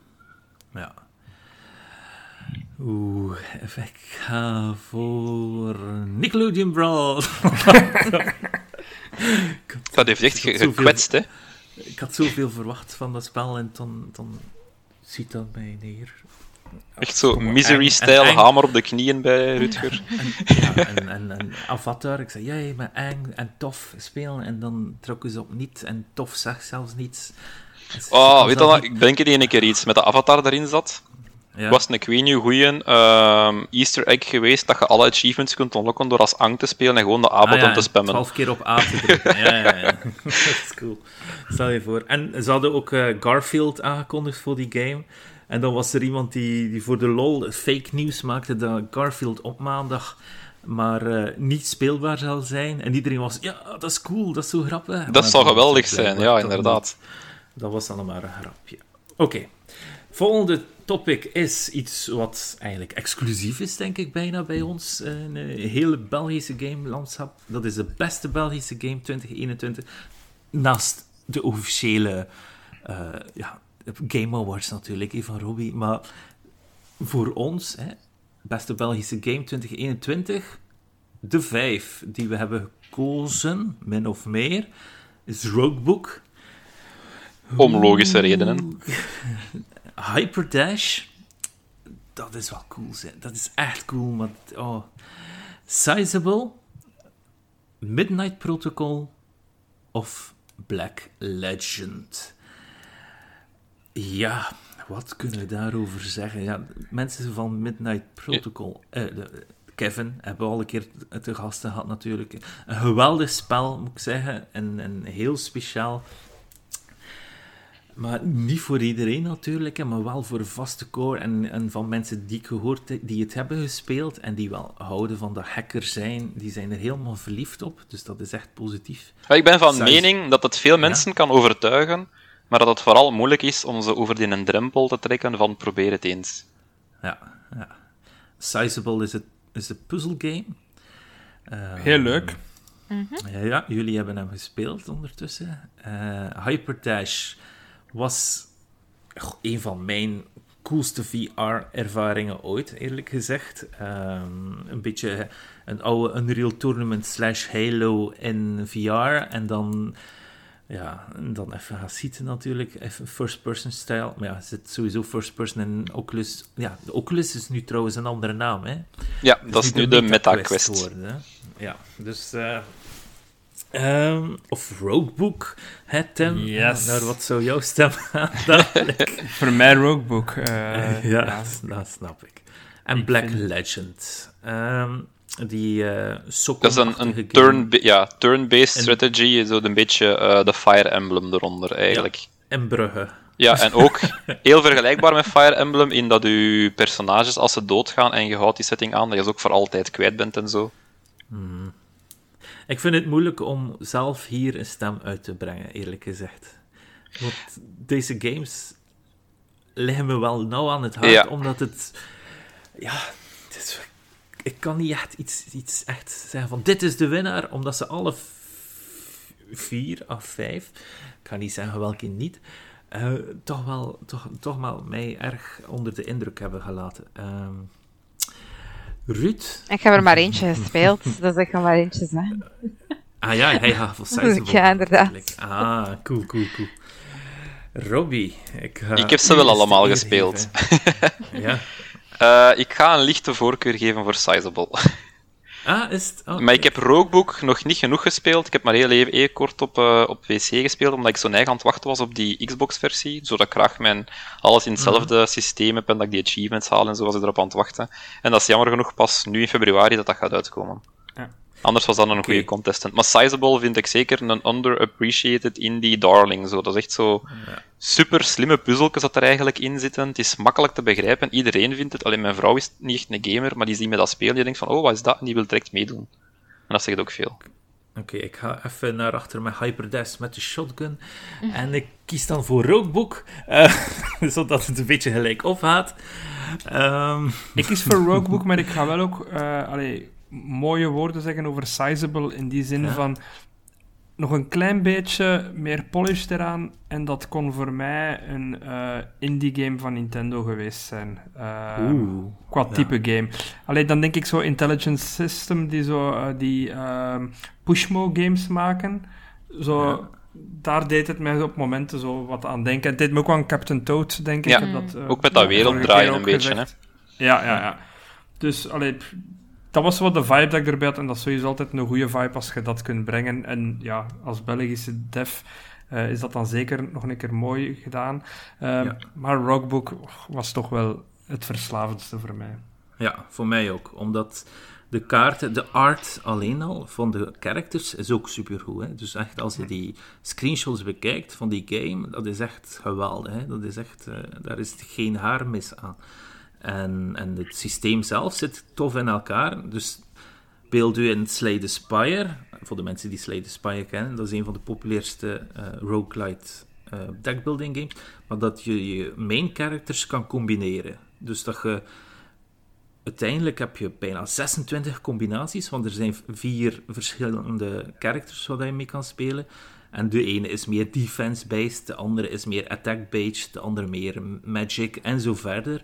Dus eh, om die combinaties dan eh, door elkaar te laten gaan en dan ook nog het kaart kiezen of de kaart te kopen tussen de beurten in of tussen, eh, om dan daar nog eens een keuze in te maken en je eigen deck op te stellen dan maakt wel dat het uiteindelijk een heel gevarieerde game wordt. Ik heb Slay the Spire na Roguebook gespeeld en ik vond Slay the Spire in vergelijking teleurstellend. Dus, ehm en dat... Slik je tong niet in. Eh, Maar ik vond, ja, ik vond Roguebook qua gameplay beter in elkaar zitten dan Slay the Spire. Ja, ja, het, is een, het is een evolutie op het genre natuurlijk. Tuurlijk, ja, ja. Spire was mijn eerste, eh, mijn enigste. niet- En ook nog, ja, ja, toffe anekdote dat ik altijd meegeef als het over Roguebook gaat, is eh, Richard Garfield heeft eraan meegewerkt. Ja. Dat is de bedenker van Magic the Gathering. Het beste Midnight kaartspel Protocol- ooit. Midnight Protocol vind ik zo jammer, hè, want blijkbaar, dus ik heb op een andere podcast gehoord, iemand die dat gespeeld heeft, een Amerikaan, en je is er zo van onder de indruk van het verhaal alleen al, dat je e-mails krijgt en zo verder. Dat klinkt zo aanlokkelijk om, om voor mij ook eens een kans te geven, hè, maar ik heb het nog niet geprobeerd en daardoor valt het een beetje voor mij uit de boot. En dat vind ik jammer natuurlijk. Hè. Sorry Kevin, geluisterd. De hele studio luistert. Oh. Eh, Nu moet je wel onder group pressure ooit een keer spelen. Hè. ja, sowieso, sowieso. Maar ja, ik, ik, ben, ik ben niet zo'n kei in het type. eh fouten en traag type tegelijkertijd. Ja, maar dat moet je ook niet. In deze, je moet vaak zelfs maar twee letters typen en je kunt gewoon zo tab gebruiken om de voluit zo auto laten completen. Oké, Ehm, Oké, voilà. Dat zijn ze alle vijf waar jullie op kunnen stemmen. Dus Roguebook, Hyperdash, Sizable, Midnight Protocol of Black Legend. Je weet onze keuze ondertussen ook al half en half.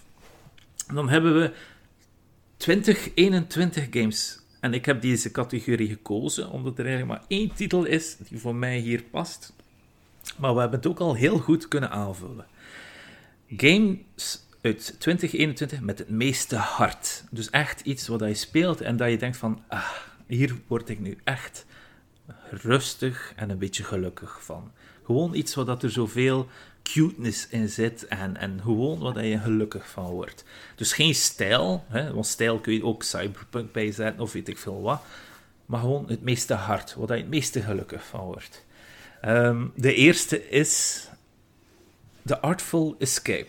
Dus dat is iets arty. Je komt daar heel, dat is een hele leuke game om de wereld door te lopen. Het is niet de game-achtige game. Dus het is, het is enkel gewoon naar rechts wandelen en af en toe op je gitaar tokkelen in een gigantische, ja, schilderachtige omgeving. In de jaren 70. En, eh, en dan ga je naar de wolken en dan heb je te veel drugs bijna gebruikt. Maar dat doet hij niet, hè. Maar om het zo te zeggen. En dan, dan heb je, uh, ben je in het heelal. En dan kom je allemaal rare monsters tegen. Maar niet eng of zo, maar gewoon arty. Het noemt ook arty, Artful Escape. Dus ja, sowieso iets met veel hart. Ik heb het niet uitgespeeld. Roos heeft het gespeeld. ik heb het niet, maar ik, ik heb hem wel uitgespeeld en ik vond hem heel goed. Ah, niet zozeer het meeste hard of zo, maar qua audiovisueel uh, presentatie was het geweldig goed sowieso. Het volgende game die ik heb ertussen gezet, omdat het gewoon een, een game is, Dorf Romantic. We hebben er lang geleden iets over gezegd. Is iets wat dat gewoon op het gemak een tegeltje leggen. En dat is het. Hè? Tim? Ja, ik volg. het is een heel rustgevend spel. Uh, ja, dat je gewoon er zijn targets, er zijn dingen die je moet doen, maar eigenlijk kan je dat heel laid back doen en, en gewoon wat nadenken over het volgende tegeltje of totaal niet nadenken en zien waar dat uitkomt. Dus uh, ja. Het is ook zo satisfying als je zo een esthetisch mooi layoutje kunt leggen. Ook al is het niet, niet het doel van het spel, want je wilt zoveel mogelijk van een bepaald type tegen elkaar leggen voor die goals te halen. Maar als je dan zo een keer toevallig zo een schoon meertje dat je in een cirkel gaat rond volledig het, uh, het speelveld of zo. Een treintje dat passeert. Voilà. Ja, voilà. Kippenvel. En dat je juist het juiste stukje nog vindt om erin te leggen. Oh. En ook heel slim hoe dat ze je upgrades gaven, want de, de game ontwikkelt zichzelf eigenlijk niet. Dus die vanaf dat je alle soorten tegels gezien hebt, blijft dat ook zo. Maar dan geven ze gewoon uh, visuele updates, gelijk dat je treintje er soms anders uitziet, of je bootje dat op het water gaat, dat er net iets anders uitziet ja, dorfromantiek. Heel, heel, heel cool, moet ik zeggen. Het volgende game is eentje... Ruud, jij hebt ons daar laten ontdekken. Unpacking. Yes. Heb je, het, heb je het uitgespeeld? Ja, ik heb het de eerste dag al uitgespeeld toen dat op Game Pass ah. heb je het al een keer opnieuw uitgespeeld? Uh, nee, nog niet. Nee, nog niet. Okay. Uh, maar dat is echt zo... Die game heeft mij zo dat Stardew Valley gevoel van zo rust. En ik vond dat wel heel leuk. En ja. En had dan nog een tof verhaal en zo. Dus allee, voor mij was het echt af. Het, het eindigt niet slecht nee, of zo. Het eindigt met heel veel hart. Ja, inderdaad. het is waar. Ja, en hele mooie pixel art, waar je mm. ook maar blij van kan worden. Zelfs als je de, de fake games uit het, uit het rekje haalt of uit je doos haalt om in een kastje te steken, dan kun je op het gemak kijken welke game dat is. En je gaat wel herkennen Mm. aan de kleine pixels welke game dat je eruit haalt. Het is, het is echt, echt cool en een heel leuk verhaal dat erin zit. En ik vond het uh, ook leuk op Twitter om te zien dat sommige mensen aan het discussiëren waren wat is nu eigenlijk deze voorwerp? En dat dan zo meestal dan def instapte van, dat is een warme waterkruik. Ah, dat is wat dat is. Ik ken dat hier niet, een warme waterkruik. Ah, ja, dan moet je onder je kussen leggen het beste. Ja. En, uh, Oké. heel, heel cool. Volgende game heb ik erbij gezet omdat ik dat ook zag op veel mensen. Ik speel het en ik vind het niet juist voor meeste hart. Oh, is het? Um, het is, is Cookie Run King, ik speel Kingdom, er is Kingdom en Ovenbreak, maar Ovenbreak bestaat al vijf jaar. En Kingdom is nieuw. En het is echt zo een mobile gacha game. En om die reden alleen al vind ik dat het meeste hart daar niet past. Uit is, ja, omdat het Maar het is wel, allee, het, heeft een, een schattige artstyle en zo, en de cookies zijn wel cute en zo, maar qua gameplay en zo is het niet veel speciaals. Allee, het nee, is gewoon uw, voor de redenen die je zegt, Het is er al uit. Ik heb het er al uit. Voilà, ja. Dan zou ik ook foto om het eruit te halen. Voilà. Dan moeten we minder discussiëren dadelijk. Oké, Welke vijf het worden. oké. De volgende game die ik heb erbij gezet is It Takes Two. Omdat het wel liefdevol is hoe de ouders weer samenkomen, zeker. Ehm, ja, It Takes Two. Voor velen werd deze game eh, vrij, ja, vrij geprezen, geprezen. Qua gameplay ben ik volledig akkoord. Het is heel leuk om samen te spelen. Verhaal vind ik ietsje minder. Eh, misschien kunnen jullie wat meer positieve dingen erover zeggen over It Takes Two. Ik vond het Ik ben heel goed persoonlijk een mensen van, van de artstyle, van de figuurtjes. Jij was, ja, ja, Die, dat vond ik omdat wel het zo leuk. het, Ja, de klei, het kleimannetje en het uit hout gesneden vrouwtje is Ja. wel cool. Dat klopt, ja. Dat is heel leuk gedesigned. Ehm Robbie, heb jij hem gespeeld eigenlijk? Ja, ik heb hem al gespeeld, maar nog niet verder als het eerste chapter. Ah, oké. Ik ben met samen met mijn vrouw aan het spelen en zo moet ik eerst zo in de mood krijgen om te gamen. En het zijn dan nog Ah, redelijk ja. lange games. Oh, allee, redelijk lange levels ook. Ja. Het is niet van, we pakken het even een half uur op en we zijn ermee gedaan. Mhm. En daarom is de, de goesting om aan een tweede chapter te beginnen nog niet gekomen tot hiertoe. moet nu zeggen, ik en mijn vriendin zijn beide gamers. Eh, we hebben hem samen uitgespeeld. Het is niet alsof dat we veel gelachen hebben tijdens, de, tijdens het spelen samen. Dus het hart zat er niet direct in. Dat zegt wel niet iets over de relatie. hè. We hebben heel veel leuten samen, hè? maar ik bedoel, het is. Oh, jeez, ik ben weer in een put aan het graven. Anyway, It Takes Two. Misschien zit dat er dadelijk tussen, misschien niet. Ik zie nu een titel: A Juggler's Tale. Die ken ik niet. Dus iemand moet me vertellen wat dat, dat is. Ja, dus ik heb die gereviewd. Eh, dat is ook zo een side-scrolling game. Waarin dat je speelt als Abby. En dat is zo een, een meisje die door een puppeteer controlled wordt. Ehm, en wat dat er heel uniek aan is, is dat de volledige narrative, en er wordt doorheen het spel constant eigenlijk narrative feedback gegeven, maar dat gebeurt allemaal in rijm. En gewoon door die vormgeving daarvan, van het meisje dat aan draadjes hangt en zo, en zo door de wereld puzzels moet oplossen, en het feit dat ze aan draden hangt, gelijk zo een poppenkast eh, poppetje, wordt zelfs dan nog in de gameplay toegepast en zo. Mhm. En dan terwijl die, die rijm op de achtergrond dat zo afspeelt, was gewoon zo tof dat ik de eigenlijke review van de game ook in volledig rijm gedaan heb. En ja, dat was gewoon een, een happy game en een happy ending. Oké. En je werd er gelukkig van. Ik werd er heel gelukkig van. Ik heb hem twee keer op rij uitgespeeld, dus dat zegt genoeg. Oh, ja. Lake. Ja, die heb ik er ook op gezet. ik weet niet of dat jullie hem gespeeld hebben. hij staat op Game Pass. ik wil hem nog spelen. Hij komt officieel Hij staat er al op. Hij staat Hij er al staat op. er al al eventjes op op Game Pass nu. Eh, en dat is een... gespeeld als een postbode. Maar niet alleen niet als een postbode, gespeeld eigenlijk als Meredith, denk ik dat haar naam is. Ehm, en je bent een IT'er in de jaren 80. En uw vader en moeder gaan even op verlof, maar uw vader heeft een postroute en zijn collega kan het niet alleen af. En ze hebben gezegd van, kom je even hier in ons huis, op ons huis komen zitten en wilt jij mijn job even voor mij doen, een paar weken. Ja. Eh, en ze doet dat dan. En uiteindelijk vindt ze van dat ontstressende van eh, de post bezorgen bij de mensen en de mensen leren kennen, dat, dat, dat er eventueel meer ligt als het stadsleven. Dus of het hard heeft of niet, hangt er eigenlijk een beetje vanaf in welke richting dat je het einde van de game doet gaan. En welke keuzes dat je helemaal op het einde maakt. Maar voor mij kon er mij volledig in, in vinden in de...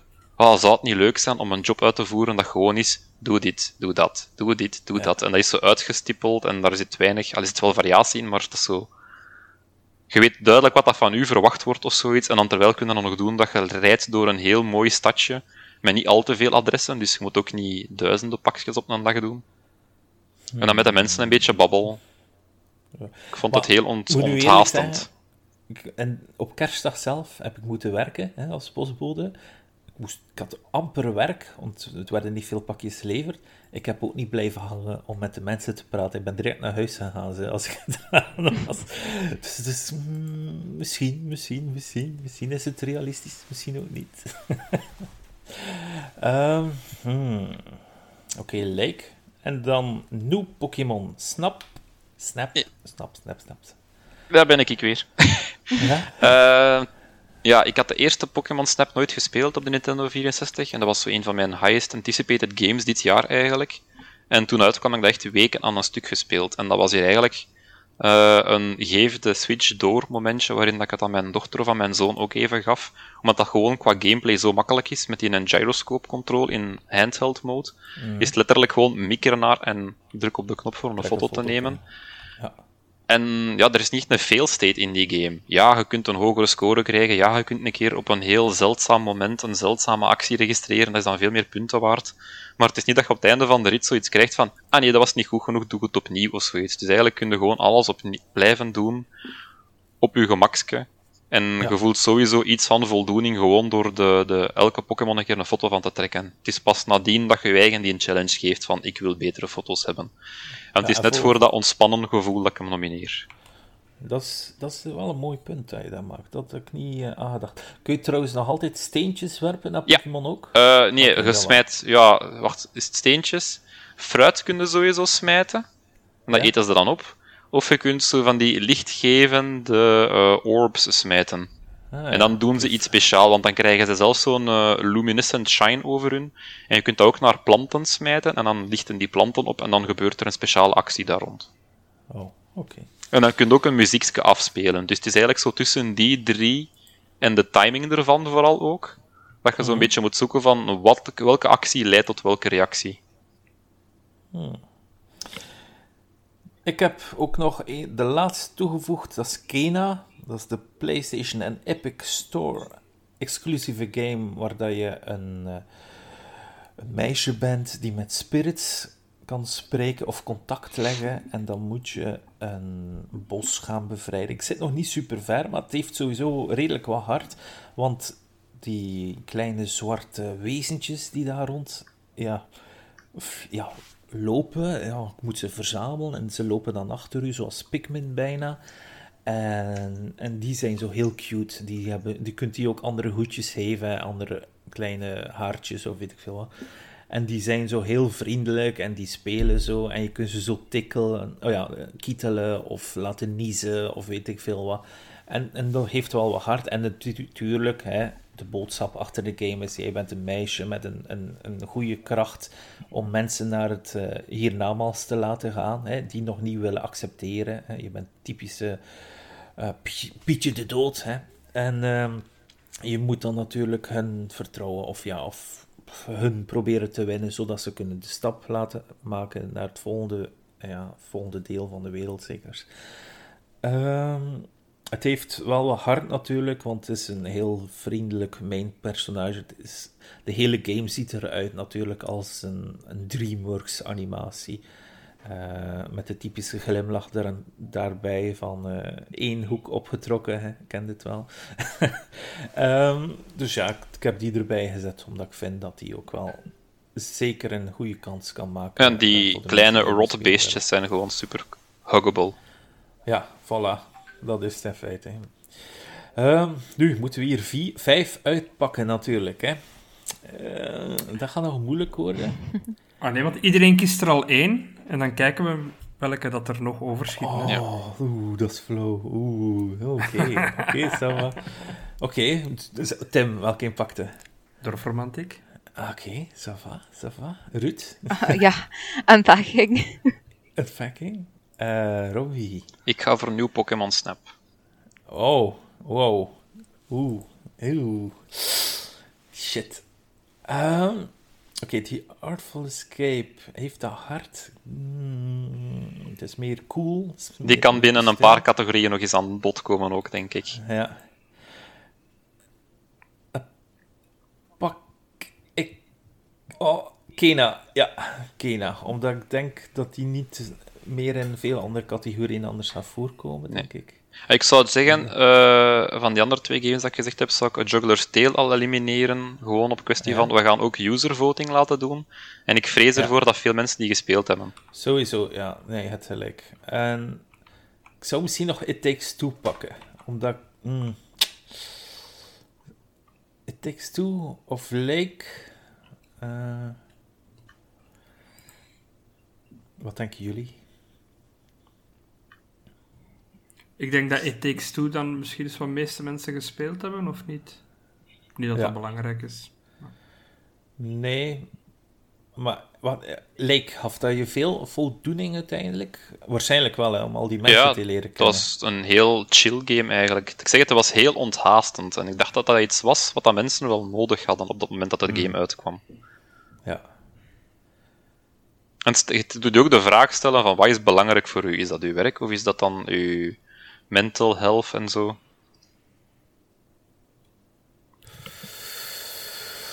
Mij zal het overtuigd hebben. Ja, ah, wel. Doe anders Kena weg en laat It Takes Two staan. Nee. We gaan het zo doen. Ja, voilà. Kijk ze. Ik heb gesproken. Het is gedaan. Dorfromantiek, Unpacking, It Takes Two, Lake of New Pokémon Snap. De game met het meeste hart. Het meeste hart. Hartjes. Yay. Shit, we zijn nog maar aan de derde. Vierde, let's go. Goed, maar niet zoveel, gelukkig. De beste baas of bazen of enemies in 2021. We hebben er twee. We hadden er twee van Metroid Dread opgezet. Ik had er twee op van Metroid Dread opgezet. Nu is het nog maar eentje. Maar eerst, en vooral in Metroid Dread had ik gekozen voor de Emmys. En... Voilà, dank u wel. voor de Emmys en voor Ravenbeak, of hoe heet hij weer, Tim? Ja, dat zou kunnen, ja, ik weet het niet helemaal. Ah, om, omdat ik vond dat wel de, de onthulling, wie dat de baas was, vond ik wel cool. En, en zijn connectie met Samus, hé, vond ik wel vrij vet uiteindelijk. Eh, maar we moeten misschien maar één pakken uit Metroid Dread natuurlijk. Hè. Wat zou jij gaan pakken? Emmys of, of Ravenbeak? De Emmys met daar meer variatie in zit. Je hebt er meerdere die je tegenkomt en dan maken ze wel... Allee, Hmm. more legendary misschien. Ik vond de bossfight, de eindbossfight van Metroid Dread, vond ik wel vrij goed, moet ik zeggen. Ah, oké, misschien wat standaard Metroidvania gedoe natuurlijk, en zij waren wel wat... Hmm. Oké, we gaan Emmy Spa. Voilà, het is goed. Ja. Oh, het doet pijn. Oh. Ehm, Resident Evil Village, Lady Dimitrescu. Ja, die moet erin blijven staan. Hè. Dat, was, dat Mhm. was de max. Hè. Dat, Die is iconisch. die- iconisch, gecosplay tot en met die hakken die je hoort eh, als ze achter u zit. Dan hoor je die boven u. Toek, toek, toek. En, en, en zo'n coole voice actor. En die nagels. En die als u pakt. En zo gigantisch. Het is de max. Het is, het is gewoon super cool. Het was zelfs zo influential dat Capcom social accounts even horny on main kost te zijn. Super vet. Super vet. Super vet. Ehm, ik had Psychonauts 2 opgezet, maar ik herinner mij eigenlijk ehm, de bazen veel minder. Het is meer de artistieke keuze dat ik vind dat daar best aan bod komt. Dus ik ga eh, die even eruit halen. Dan heb ik ook nog Super Mario 3D World, Bowser's Fury. Heb ik gekozen voor Bowser, want die Bowser is zo cool. Eh, die gigantische Bowser die daar, eh, wat hij tegen moest spelen. Eh, Tim, heb je hem gespeeld eigenlijk? Nee, nee, nee, ik heb hem niet gespeeld. Oh. Ja, om, om de eenvoudige reden, ik had Super Mario 3D World op Wii U Mhm. en ik heb hem gewoon niet opnieuw gekocht. Allee, 60 euro voor enkel die Bowser's Fury was het mij niet waard. Nee, ze hadden beter M Standalone uitgebracht voor 20 euro. Want het is echt... En dadelijk ga ik er echt voor strijden. Maar dat is echt een geweldige titel, moet ik zeggen. Ehm, Returnal heb ik eh, uitgespeeld. En de eindbaas daarvan was Hyperion. En de Hyperion die zit zo aan een gigantische orgel. Dit is een spoiler natuurlijk. Hè. En, die, en de baas speelt zo en je ziet hem spelen en dan draait hij om en dan moet je er tegen vechten. Een hele coole baas. Ehm, maar misschien voor velen onder jullie hebben hem nog niet tegengekomen. Want het spel is ontzettend moeilijk nog altijd voor vele mensen. En, dus ik hoop dat hij wel een kans maakt. Ehm, dan heb ik nog Far Cry 6 gezet, maar ik weet niet. Robbie, is dat, is dat de bekende acteur, Anton Castillo? Ja, dat is met Gustavo... eh, Gustav, noemt hem? Kan niet op zijn volledige naam komen. Maar de bekende acteur speelde inderdaad Anton Castillo, dan Ja. de hoofdslechterik eigenlijk. En? Ik heb de game zelf de nog niet indruk? uitgespeeld en ik moet zeggen, eigenlijk in de eerste 35 uur of zo dat ik gespeeld heb, komt die verrassend Ja. weinig aan bod, die mens. Ah ja, oké. Want de Far hij- Cry-formule Ja. is zo dat je elke regio heeft zo zijn eigen subboss en dan komt je eigenlijk meer in contact met hun als met de hoofd bad guy. Ja. Dus ik heb hem nog niet zo vaak gezien. Niet zoals bijvoorbeeld in Far Cry 3, waar je constant vaas tegen het lijf liep. Dat is een lastige natuurlijk, hè. Jawel. Hmm. Hij is vooral iconisch met de, de performance, denk ik, dat er in de game zit. Maar niet zozeer als in de rest van deze nominaties, waarin dat we de Dus boss fight zelf... Dus je hebt hem meer gezien in de trailer dan in de game uiteindelijk al. Ik voorlopig wel, ja, maar ik heb de game nog niet Oeh. uitgespeeld. Stel je voor. Ja, oké. En de laatste. Tim, bedankt. Bedankt. Ja, ik had Leshy, de tegenspeler die je ehm, ontmoet in Inscription. Ehm, die heeft iets legendary van in het begin al, vond ik. Maar als je het spel dan nog verder speelt, kom je eigenlijk nog wel extra dingen te weten wat hem eigenlijk enkel beter maakt, Ja, vind inderdaad. ik. En ik, En ik probeer niks te, te spoilen, hè, maar je krijgt Ehm, er compassie mee, uiteindelijk. Vind ja? ik persoonlijk. Ja.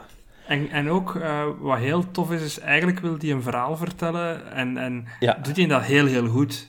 Ehm, En, en gameplay interesseert hem uiteindelijk niet zo erg, hè. Nee, Oeh, zeker spelen. Ehm die blijft erop. Sorry, ja, dat is mijn veto. Dat is niet- Ehm, Oké, maar we hebben er hier dus zes. We moeten dus eentje knippen.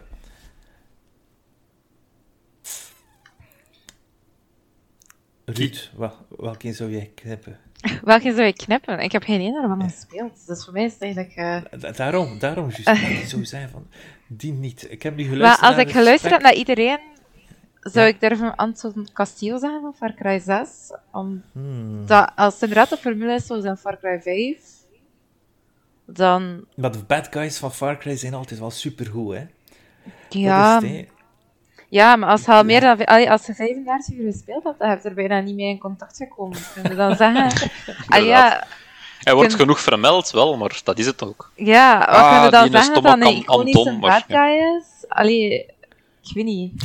dat kun je natuurlijk in Lord of the Rings ook wel zeggen. Dat pas tegen het eind van de film is dat je... Ja, dat Ja, kun je eigenlijk ja. in het echte leven ook zeggen. Hè. We zagen allemaal op Trump, maar ik heb hem ook nog niet in het echt tegen het lijf gelopen. Ja, ik weet niet. Maar Eh. van de rest hebben jullie like, betere redenen gegeven om... eh, Maar ik dan zou, voor ik Anton Castillo. Ik zou misschien gewoon Bowser, hmm, Bowser eruit halen, omdat hij niet nieuw nieuw is eigenlijk. Dan zijn alle anderen eigenlijk nieuw. Emmy is nieuw, Lady Dimitrescu is nieuw, Hyperion is nieuw, Anton Castillo is nieuw en Leshy is ook een nieuwe villain. En Bowser wordt gewoon Gotti. Groot, ja, uiteindelijk wel. Het is niet echt Bowser, want het is een Bowser onder een speciale zwarte eh, smurrie of zo, dat die gunk, ja. slechter wordt. En daardoor is Bowser Jr. je sidekick in die game. Hij is echt een goede game, zeg maar. Het- Het is, eh, ehm, dus ik ga Bow- is het goed dat ik Bowser eruit haal? Ja hoor. Je hebt er hem zelf ingezet, dus... Ja, die Sava, dan ga ik hem eruit halen. Voilà. Ehm, Oké, 1, 2, 3, 4. Dus dat was beste baas. Beste soundtrack. Het is natuurlijk jammer dat we hier niet veel ehm, muziek in kunnen steken op dit moment. Eh, life is... Ik ga ze anders sneller eh, overlopen. Hè. Eh, Life is Strange, True Colors, Guardians of the Galaxy, Near Replicant, die gewonnen heeft hè, voor de Game of the Year in de Keeley. Deathloop, The Artful Escape, Psychonauts 2 en The Great Ace Attorney Chronicles. Dus 1, 2, 3, 4, 5, 6, 7. Dus moeten er twee? Ja, nee. Oh, nee ik heb nee. er nog eentje bij gezet, maar gewoon omdat ik hem wil vermelden. Eh, en ik denk dat we hem gaan elimineren ook, omdat bijna niemand die game gespeeld heeft. Maar ik heb op het einde van het jaar nog Chorus gespeeld, dat is zo die een Space Ja. Exploration game, en die heeft eigenlijk een fantastisch goede main team. Maar ik kan er vrij weinig over zeggen, want ik, ik vind eh, over geluid spreken of soundtrack spreken een van de moeilijkste dingen die er is. Dat is ook altijd het kortste stukje dat er vermeld wordt in mijn reviews of zo. Mhm. Terwijl ik wel herken dat dat een heel, heel grote invloed heeft op een game. En Ja. soms zelfs iconisch is, want een Final Fantasy zou geen Final Fantasy zijn zonder de, de goede scores Ja. eronder. Of de kleine zijdemuziekjes, hè. Zoals Ja. Of elke regio dat uniek aanvoelt, gewoon door de omgevingsdingen en zo. Maar ik vind het moeilijkst om over te schrijven. Maar bij Chorus was vooral die een main team dat dan zo gewoon in het eh themamenu speelt, in zoverre dat ik zelfs soms het liet opstaan op de achtergrond. Ehm, en dan bij het eindbaasgevecht of zoiets kwam dan een keer op een heel dramatische wijze terug. Als zo alle good guys samen rallyen tegen de big bad of zo, kwam die de muziek nog eens terug en dacht van, oh, deze is zo goed. Oké. Maar ik kwam gewoon vermelden en ik ga hem er direct ook weer uithalen, want bijna niemand heeft de game gespeeld, dus gaat hij ook niet nomineren. Oeh, dit wordt een moeilijke, hè. Nier Replicant heeft gewonnen. Maar... Maar het is wel geen 2021 game. Voilà. En daarom zou ik hem eruit halen. Sorry, hè, eh, Robbie. ik- Nee, nee, ik volg, want ik heb hem ook nog niet gespeeld, de Replicant. Ik heb alleen de originele Nier gespeeld. Ik herken Ja. waarom dat Replicant zou gewonnen hebben als hem gewoon 100% de soundtrack van de originele overnam, want die was gewoon gigantisch goed. Ja. Ze Maar het is geen game van extra 2021 en al zeker de muziek niet. Dus, dus jij zou ervoor zijn om hem ook eruit te halen, denk ik. Ja, maar keerzijde oei. van die medaille is, als we kijken puur naar de muziek is niet nieuw, dan zitten er heel veel nominaties in dat daarvoor waar zijn. Want Guardians of the Galaxy en Deathloop hebben ook een, een soundtrack van de jaren 80 en 60 respectievelijk. Maar, maar in Guardians of the Galaxy zit ook muziek in eh, die het hoofdpersonage Star-Lord zelf heeft geschreven, die uniek is aan de game. Ah, voilà, dan is het goed. Maar ik, ik heb hem nog niet gespeeld en die staat op mijn must-play-lijstje van nog deze maand. Ja, Eh, ik bij mij staat hem Tim, ook heel hoog. Tim, jij heb was hem gespeeld. bezig, toch? Hè? En? Ja. Hoe is de Ehm, muziek? ik vind het, allee, het is vooral eh, de muziek Hoe dat past. gebruikt is. Ja, voilà, de manier waarop dat hij, dat hij gebruikt is. Het zijn natuurlijk bekende nummers, hè, dus daar zit ja, heel veel 80s, Blondie, ehm, Tears for Fears, eh, Culture Oh. Club. Allee, dat is echt allemaal zo Ja. 80s tracks.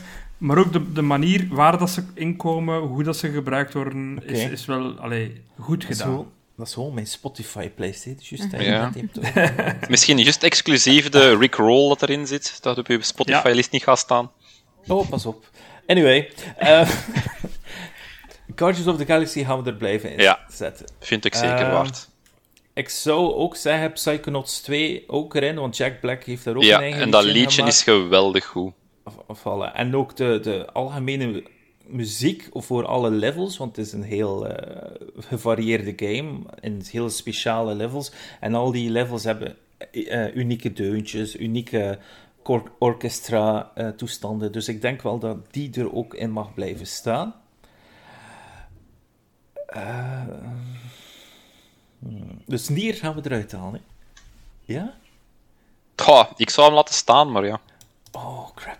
3, 4, 5, 6, 7. The Great Ace Attorney Chronicles, wie kan daar een zaak voor maken dat die muziek Ah, ik, hè. blijven instaan? Ja, dank u, dank u, Ruud. Ja. Eh, ik heb die dit jaar gespeeld. Dat was mijn eerste Ace Attorney. En dus het is een visual novel. En Ja. dus het, hetgene dat ik constant hoort, is die muziek. Voilà. En Ja. het moet leuk blijven en niet repetitief worden. En dat kan het wel heel goed. En het Ja, heeft ook zo character themes en zo. En ik vind het wel heel leuk. Allee, ik vond de, ik vond de soundtrack echt heel goed ook. En ook als ze waarschijnlijk objection... Want hij, noemt- hij zegt niet het objection, hè, die gast, of wel? Jawel, jawel, hij zegt het ook. En begint dan de muziek ook zo op te zwellen, Ja, zoals ja, ja, voorheen? ja, ja, ja. ja. Maar ook trouwens zo, ook ja, eh, voice recognition. Kunnen zelf objection roepen? Als hij dat wel, ja hoor. Oké. Sta ik, maar ik wil dat ik heb dat nooit gedaan, maar ik herinner me dat dat een functie was. Nee, nee, op DS kon je, kon je roepen in je DS objection. En dan Ah. zei de game ook objection. Ja, Ik heb 90% van de vorige Phoenix Wrights gespeeld op de trein naar het werk. Dus dat was het een optie voor mij. Je kon ook zeggen, Ja, je kunt het zeker en vast klikken. Maar ik speelde het ofwel op de trein, oftewel s'avonds laat in bed. En dat waren niet twee momenten om in één keer objection te roepen, zonder dat de politie erbij gehaald wordt. Ik zou Deathloop eruit halen. Ja, want ik, ik heb hem erin gezet, gewoon omdat ik wist dat hem op de Game Awards genomineerd was. En ik heb dan ook even opgezocht waarom. Maar ik heb de game zelf niet gespeeld, dus ik weet ook niet of dat onderbouwd is of niet. Idem dito. Ik heb hem niet gespeeld, dus kan hem ook niet volledig ehm, ondersteunen in dat opzicht. Ehm, maar, aan de andere kant, mensen kunnen hem zelf nog toevoegen, zeker? Of, of, uh, of bij die dingetjes niet? Nee, die kunnen... Dus nee, we gaan Deathloop eruit halen. Oké, okay, ça va. Oké, okay. Life is Strange, Robbie. Was ja, de, er zit een licensed soundtrack in, en die is sowieso ja. al heel goed.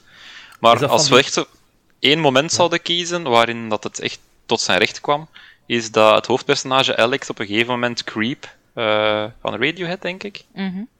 Dat hij dat live zingt. En dat is echt zo met haar eigen stem, dus volledig zelf ingezongen. En dat was fantastisch goed. Ah, ja. Ik vond dat trouwens wel erg, want dat was inderdaad die game met de controverse van je had een streaming mode en dan werd de volledige muziek gekut. En dat was zelfs bij haar gecoverd liedje ook het geval, terwijl ik het daar helemaal niet snapte, want het is een cover. Daar zou dat toch de rechten op moeten hebben. Ja. Maar voor dat moment alleen vond ik het al een nominatie waard, en dan gewoon verder in de game zaten ook gewoon goede soundtrack momenten. We gaan de Artful Escape gaan we kutten, denk ik. Het is juist een game over muziek. Uh, ik zelf zou inderdaad ook zeggen van die te kutten, want ook al was het een game over muziek, moet ik eigenlijk zeggen dat dat, sh dat shredden ligt mij niet gewoon. Ja. Het, is, het, is, het is eigenlijk, ironisch genoeg, hij keert zich en hij vecht tegen zijn country roots. En eigenlijk vond ik dat Johnny country, Cash country ja. gans in het begin van de game de, de beste sound in de hele game. ja, nee, ik, ik, ik, ik volg u. Ik volg u daarin. Maar dat is dan echt puur omdat ik zo gewoon gitaarriffs vind ik geen aangenaam geluid. En dat is eigenlijk de, de volledige game. Oh, uh, gitaarriffs zijn wel goed. Hè. Denk aan Daft Punk. Uh, ja, zeker. Maar dat is melodischer dan hier. Hier is het echt gewoon zo... nee. Oké, okay, we gaan de Artful Escape eruit halen. Voilà, dan zijn we al aan vijf. En dan hebben we eindelijk de eerste vijf zaakjes besproken. Dus best soundtrack 2021. Jullie mogen kiezen. Wij gaan ook kiezen natuurlijk tussen Life is Strange, Guardians of the Galaxy, Near, Psychonauts 2 en The Great Ace Attorney Chronicles. Oeh, en nu het volgende. Waar er al voor de podcast, toen jullie nog niet konden luisteren, werd er al heel wat gediscussieerd. Ja, hier waren we het niet eens of remaster of upgrade 2021. Dus er moet iets aan veranderd zijn. Dus geen Hades of Tetris Connected bijvoorbeeld, die zijn dit jaar uitgekomen, maar er is geen extra content bijgekomen. Er is dus ook niet geupgescaled naar 4K of uh, iets dergelijks, geen nieuwe textures. Uh, en wat ik heb ge erop geschreven, ik zal ze van deze keer in één volledige race opzoomen opsommen. En dat is, de eerste is Final Fantasy VII Remake Intergrade. Dan Mass Effect Legendary Edition. Near Replicant. Mario 3D World en Bowser's Fury. Disco Elysium The Final Cut. Tony Hawk Pro Skater 1 plus 2. Ghost of Tsushima, ik weet niet welke cut het was, een Director of een Game of the Year Edition. Uh, director's Cut, dacht ik. Ja. Death Stranding, Director's Cut. En Resident Evil 4 VR. Resident Evil 4 krijgt sowieso al meest geremaked. Dat is ook wel uh, een geremasterd. Ja, ja, Die in de woord toch, ja. Maar, maar wat een remake was dat op VR? Ja, eigenlijk was, was de Skyrim een nieuwe versie ook niet vorig jaar, 2021? Ja, de Anniversary Edition, ja. ja. Ah ja, juist. Juist. Maar die ga ik niet nomineren, die heeft al genoeg aandacht gekregen. Ja, en, en blijkbaar is het enkel de mods, de mods die er al in zaten, die je nu kan gebruiken. Hè. Sommige die gewoon uh, toegelaten zijn. Geweest. Maar even de dus kader waarom er zoveel discussie onder ons was, uh, op voorhand was, toen stond het asterixje van Upgrade er nog niet bij. Dus we hadden echt enkel remake of, remake of remaster gezegd. En dan was er discussie over wat uh, dat dan juist voor qualified. Gelijk Disco Elysium is wel een final cut, Ghost of Tsushima is een director's cut met extra content. Maar dat is nog niet echt een remaster of een remake, omdat dat zo'n heel recente game is met gewoon een nieuwe release. Mm Maar Ghost of Tsushima heeft wel heel dat eiland Ja, bijgekregen. het heeft een volledig nieuwe content gekregen. Dat is En waar. heeft ook een upgrade gekregen in hun FPS op PlayStation 5 natuurlijk. Eh, dus dat is belangrijk. Death Stranding heeft ook Hetzelfde. gigantisch veel ogen geopend. Eh, vooral op onze Discord. Kallewaard zou voor niets anders strijden dan deze titel natuurlijk. Eh, Mass Effect Legendary Edition. Ja, die zou ik misschien wel kutten. Ah, nee, veto. Ik wou net zeggen, voor mij is Mass Effect, ik heb hem zelfs nog niet gespeeld, maar is het Ja. enigste game dat volledig aan een remaster samen met Tony Hawk, denk ik, voldoet. Mhm. Maar zoveel is toch niet geupgrade? Of ben ik nu volledig verkeerd? Ehm, veel Het is een technisch- 360-titel, hè? Ja, veel technisch is er wel aan veranderd. Zoals eh, de controle van uw, van uw wagen is zoiets opvallends van Mass Effect 1. Ah ja. de dat, ze, Mako. ja, dat ze helemaal aangepast hebben, dat die control. Maar ze hebben toch gewoon ganse, ganse ruimtes? Ja, ik heb ja. zo ganse ruimtes waar dat vroeger fake walls tussen zaten, omdat dat Ja, allemaal niet kon ja. gerenderd worden. Oké, nu weg... goed. eh, Mass Effect we erin laten steken. Dus, hoeveel hebben we er hier normaal? 2, 4, 6, 8, 9. Dus we moeten vier knippen. Hmm. God, het zijn wel goede titels, hè, maat. Oei, oei, oei. Ja, ik denk dat we gewoon met het probleem zitten dat we remake, rem- remakes en remasters aan het samensmijten zijn bij upgrades. Ja, ik zei dat ook dat daar zijn eigen straks. Dat, dat, dat Maar, misschien maar een het zijn, het aparte zijn wel allemaal games die vroeger, die, die voor dit jaar al kon kopen, hè. Ja, maar niet veel voor dit jaar. En zelfs nog op dezelfde platformen. Ah, Wel ja, tenzij dat je, je gaat kijken naar Death Stranding, Ghost of Tsushima. Je kijkt van het is nu PlayStation 5 updates. Maar het is zo maar één generatie ertussen al. Hè. Ja, of, of Ja. iets anders, bijvoorbeeld Disco Elysium, super spel, daar niet van. Maar dus gewoon de voices die erbij gekomen zijn voor PC, en voor de rest was dat gewoon de console port. Ja. Ja. Oké. Dus moeten we Disco Elysium knippen? Eh, is het, is Het is geen award voor beste game, het is een award voor beste remake, remaster of upgrade. En Ah, dan ja, vind ik inderdaad dat die er niet content. toe aan hoort aan de lijst. Maar eh, veel mensen gaan wel door het vuur gaan voor die extra eh, content in Disco Elysium. Hè? Dus al die voices die ingesproken zijn, zijn blijkbaar wel geweldig hè? In, in, in die game. Toch? Ik hoor een... Jullie hebben Disco Elysium gespeeld, ik niet. Dus ik weet niet of dat gelijk heb. Ja, maar ik heb het origineel wel- niet gespeeld. Dus allee, ik kan de vergelijking niet maken zonder de, zonder de stem Maar en met de stem. Stel je voor dat er geen stemmen zijn voor eh uw Ja, maar het is niet omdat er stemmen bij komen dat dat voor mij dan een, een remake of een remaster is. Allee, Nee, Ja. ja, ja, ja, nee. Of upgrade. Hè? Of upgrade. Oké. Dan moeten we misschien... Wacht, hè. We een gaan- extra categorie voor ex beste nieuwe content. Hè. We gaan Mass Effect laten staan. We gaan Resident Evil laten staan.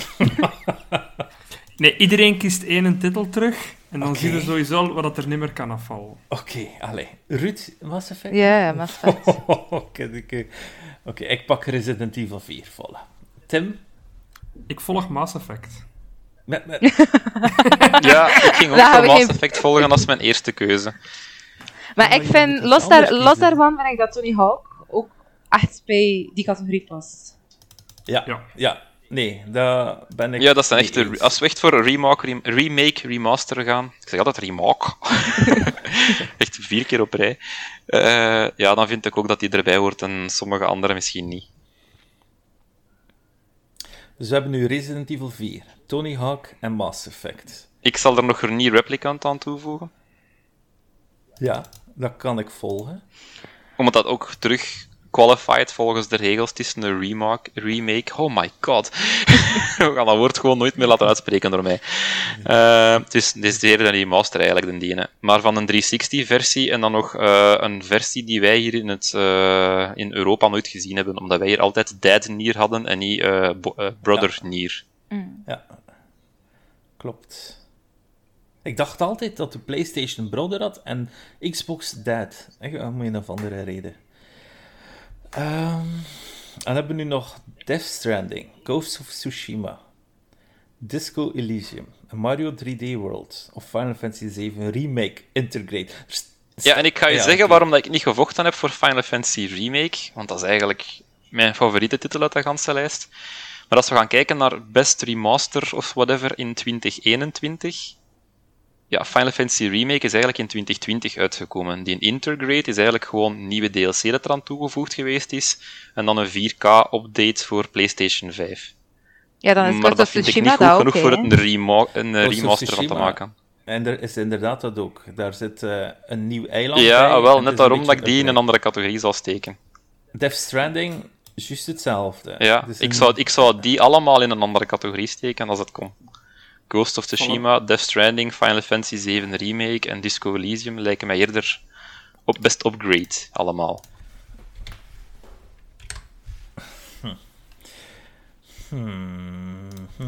En dan Mario 3D World vind ik dan weer wel een goeie, want dat is ook extra content, maar de 3D World is een, ja, dat is een upgrade van de 3DS, en dat is ondertussen ook al even geleden. Nee, nee, nee, nee. Het is Nee, een nee. upgrade van de Wii U-titel. Ja, van de Wii U-titel. oké. En daar zit niets anders in. Eh, jawel.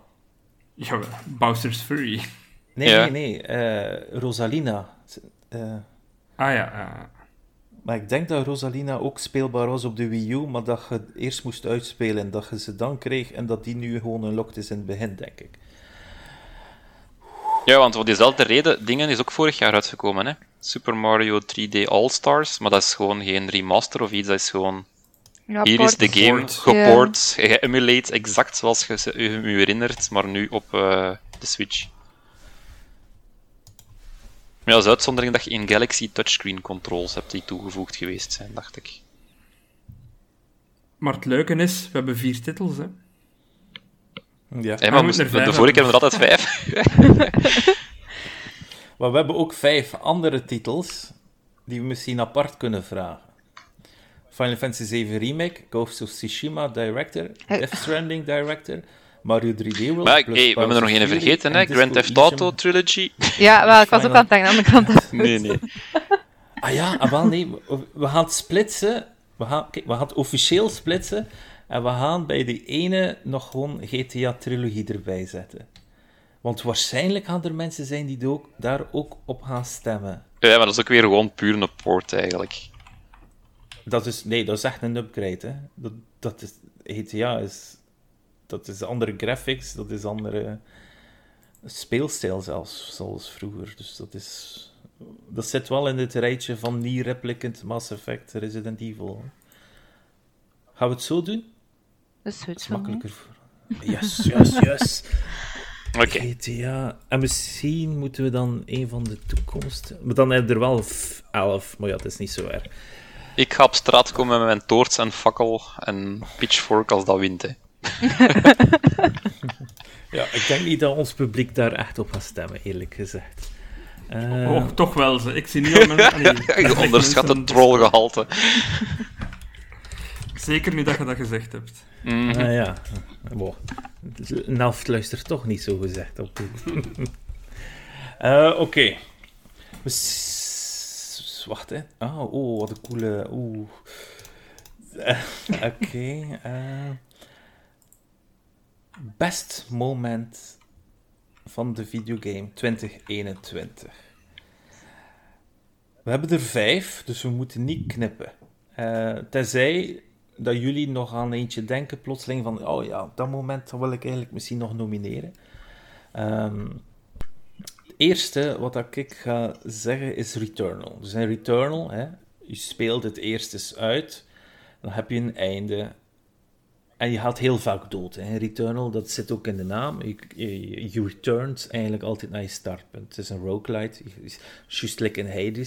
Maar als je in Returnal sterft, dan keer je een beetje terug in de tijd. Maar alles is toch net iets anders. En dan speel je weer het level door totdat je doodgaat. Maar als je toch plotseling, en dit is een kleine spoiler, als je toch uitgespeeld hebt, dan zie je heel haar leven. Dan zie je dat ze terugkeert naar aarde, ze krijgt een man, ze krijgt een kind en ze sterft van ouderdom. En dan begin je weer opnieuw. Op dat punt waar dat je, je, je, je weer start. Hè, achter zoveel uren proberen uit te spelen, plotseling, hè, het einde, zie je van, ah, voilà, ze keert terug naar een planeet, ze krijgt kindjes, of ja, of ze, of ze krijgt een man, weet ik veel.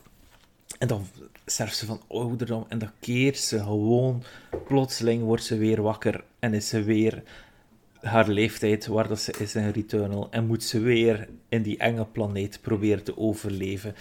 Maar het is wel wat anders dan daarna. Dat was een heel cool moment in, uh, voor mij in 2021. In Returnal.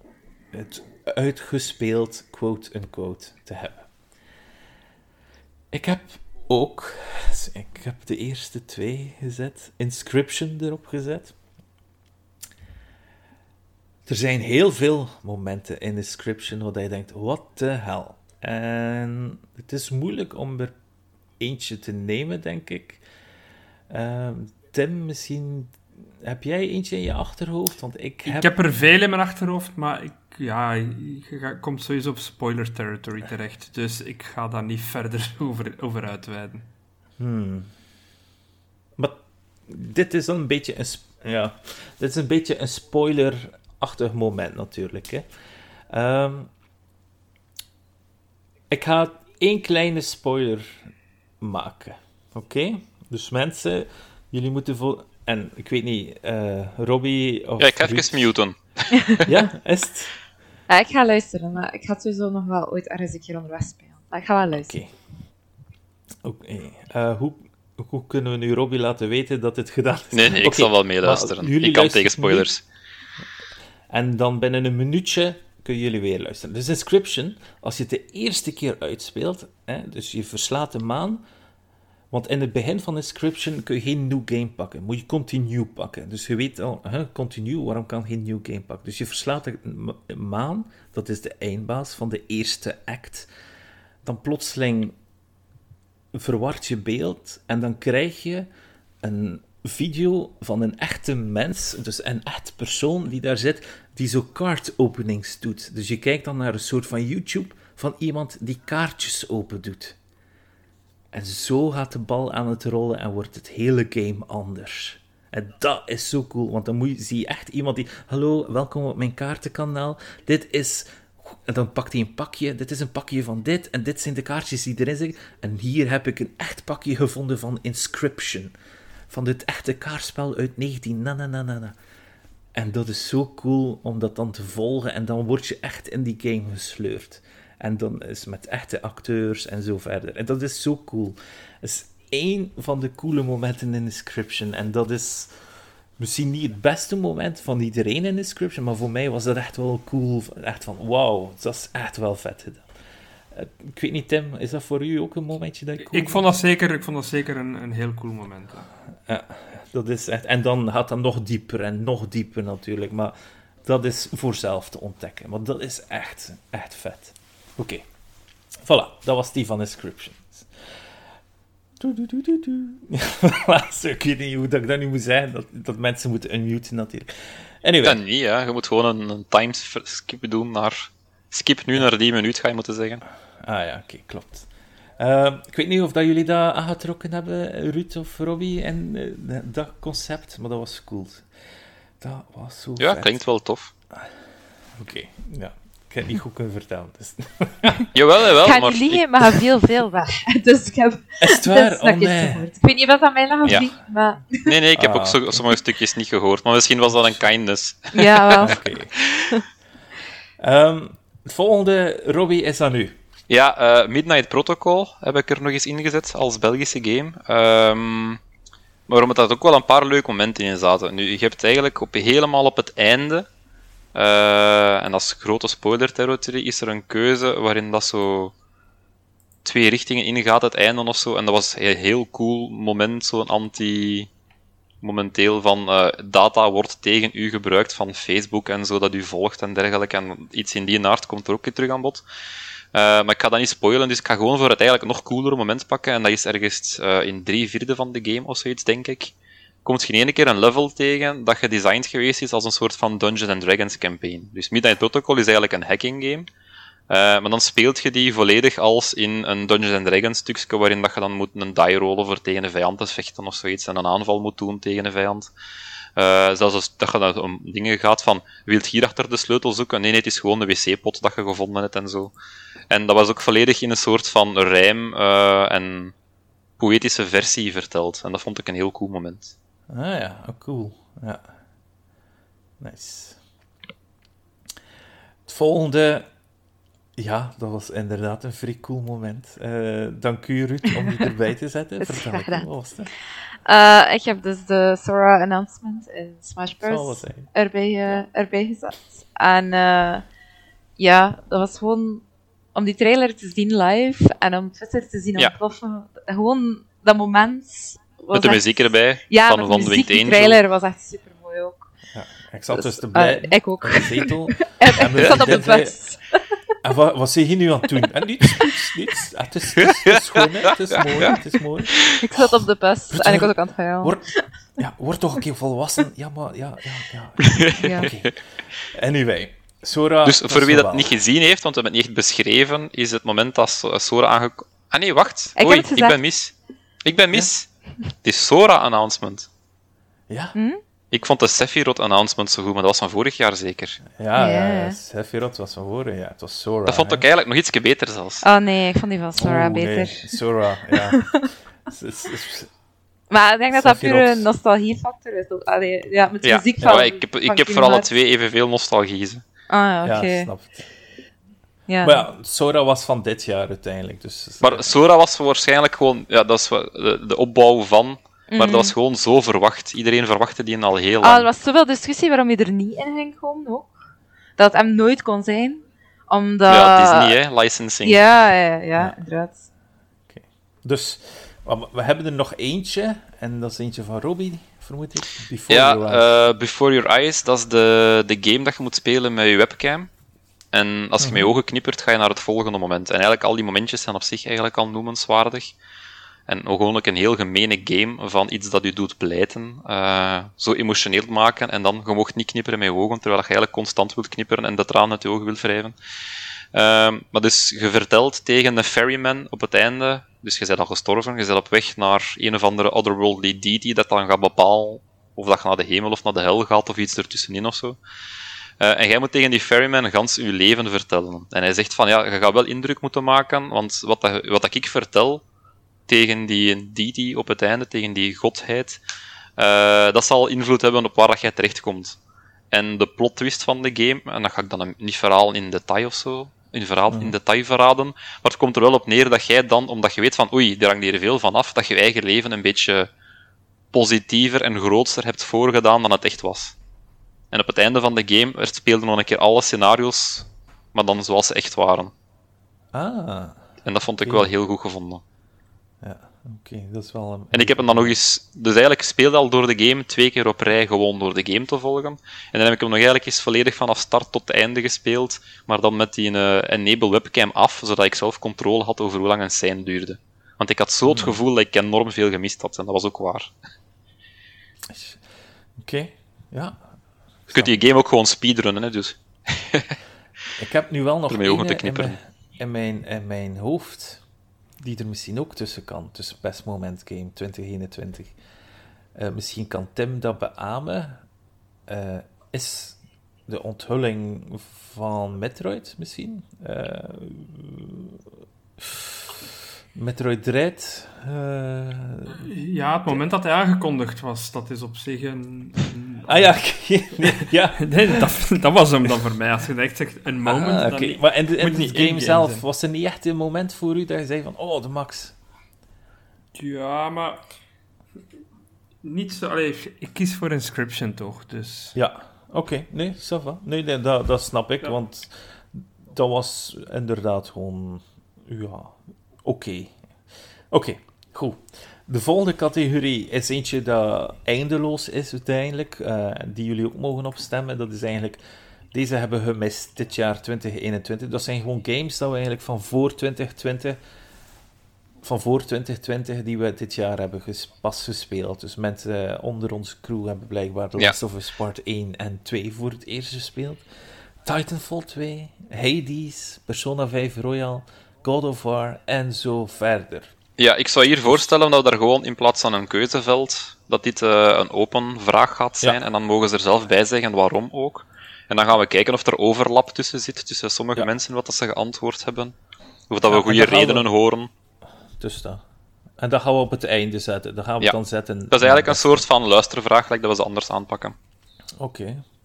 Goed.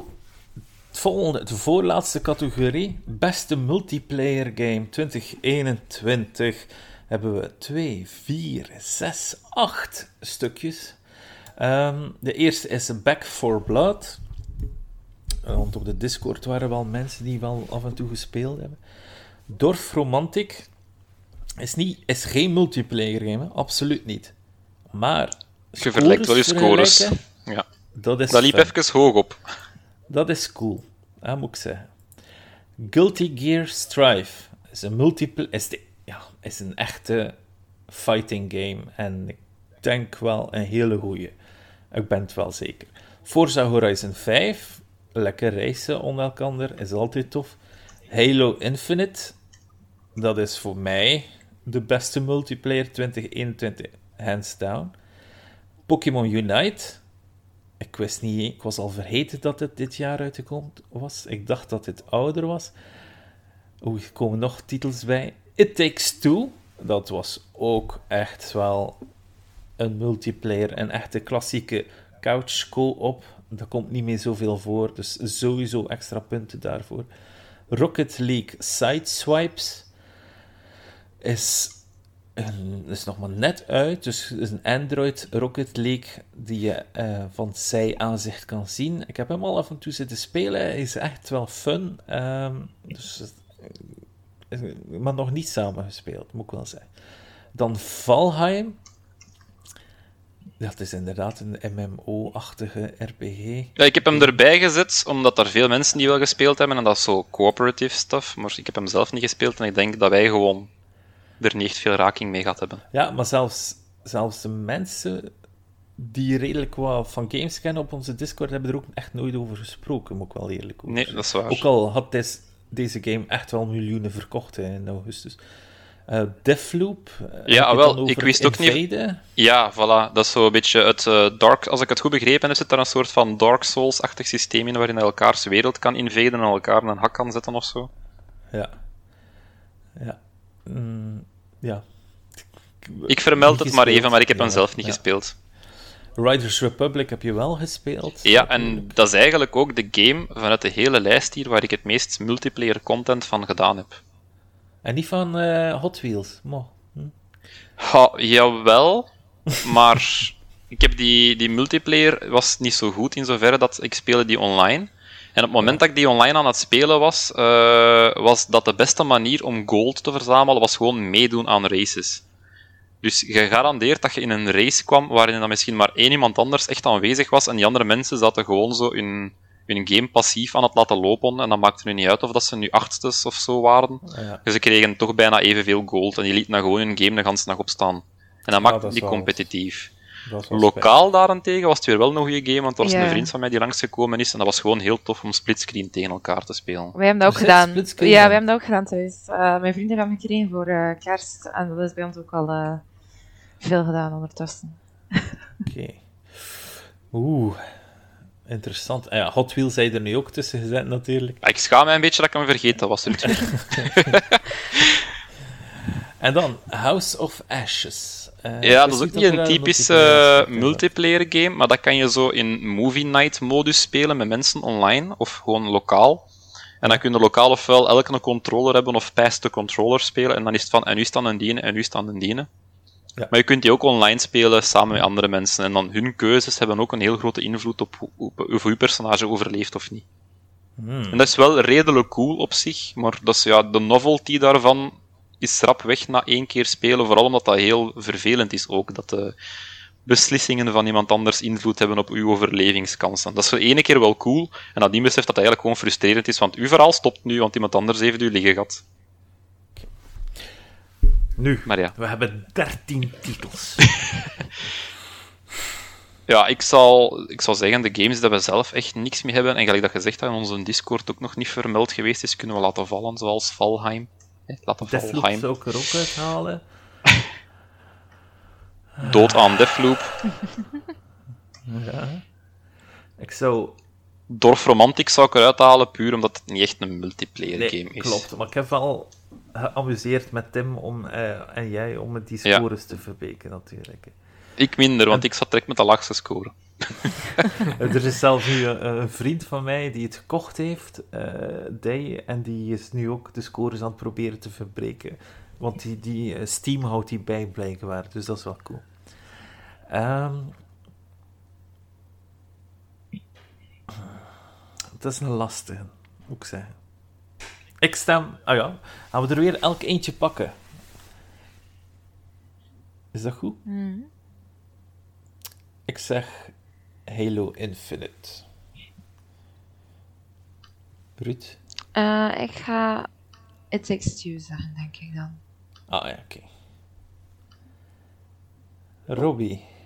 Ja, Hot Wheels Unleashed dan toch eigenlijk, puur voor de local Oh. multiplayer aspect. Ook al was ik hem vergeten, het is, het is de reden waarom dat ik de game... Ik ben nu nog even aan het spelen en aan het grinden voor Gears, maar gewoon het feit dat hem splitscreen multiplayer heeft, is de reden dat ik het ga laten geïnstalleerd staan op mijn Xbox, voor als er een keer vrienden langskomen. Ja. Tim? Ik heb niks met multiplayer. Nee, ik Ehm, niet. Maar pff, ik denk dan, bijvoorbeeld een Forza, kan ik me wel voorstellen dat mensen daarvoor gaan voten, gewoon omdat dat, allee, dat soort Ja. racing games zijn gemaakt om online te spelen. Ja, en, en de community, we hebben zelf een Forza-kanaal uiteindelijk gehad, of hebben nog steeds, zie ik hier. En daar was wel wat animo op, op een gegeven moment, om samen te racen. Ze hebben zelf een club opgericht voor Bitkroeg.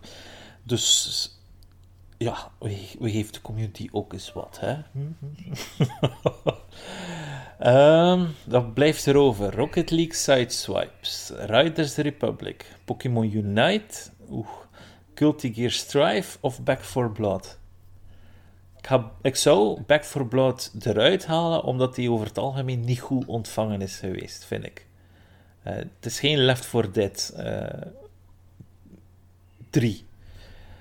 Ehm, Pokémon Unite heb ik gespeeld zo voor een week dat ik daar zo heel actief mee bezig ben geweest. En zo de eerste paar matches is dat leuk. En dan begint die grind echt. En dan heb ik echt zo mijn energie dat ik erin wilde steken echt zo zien naar beneden.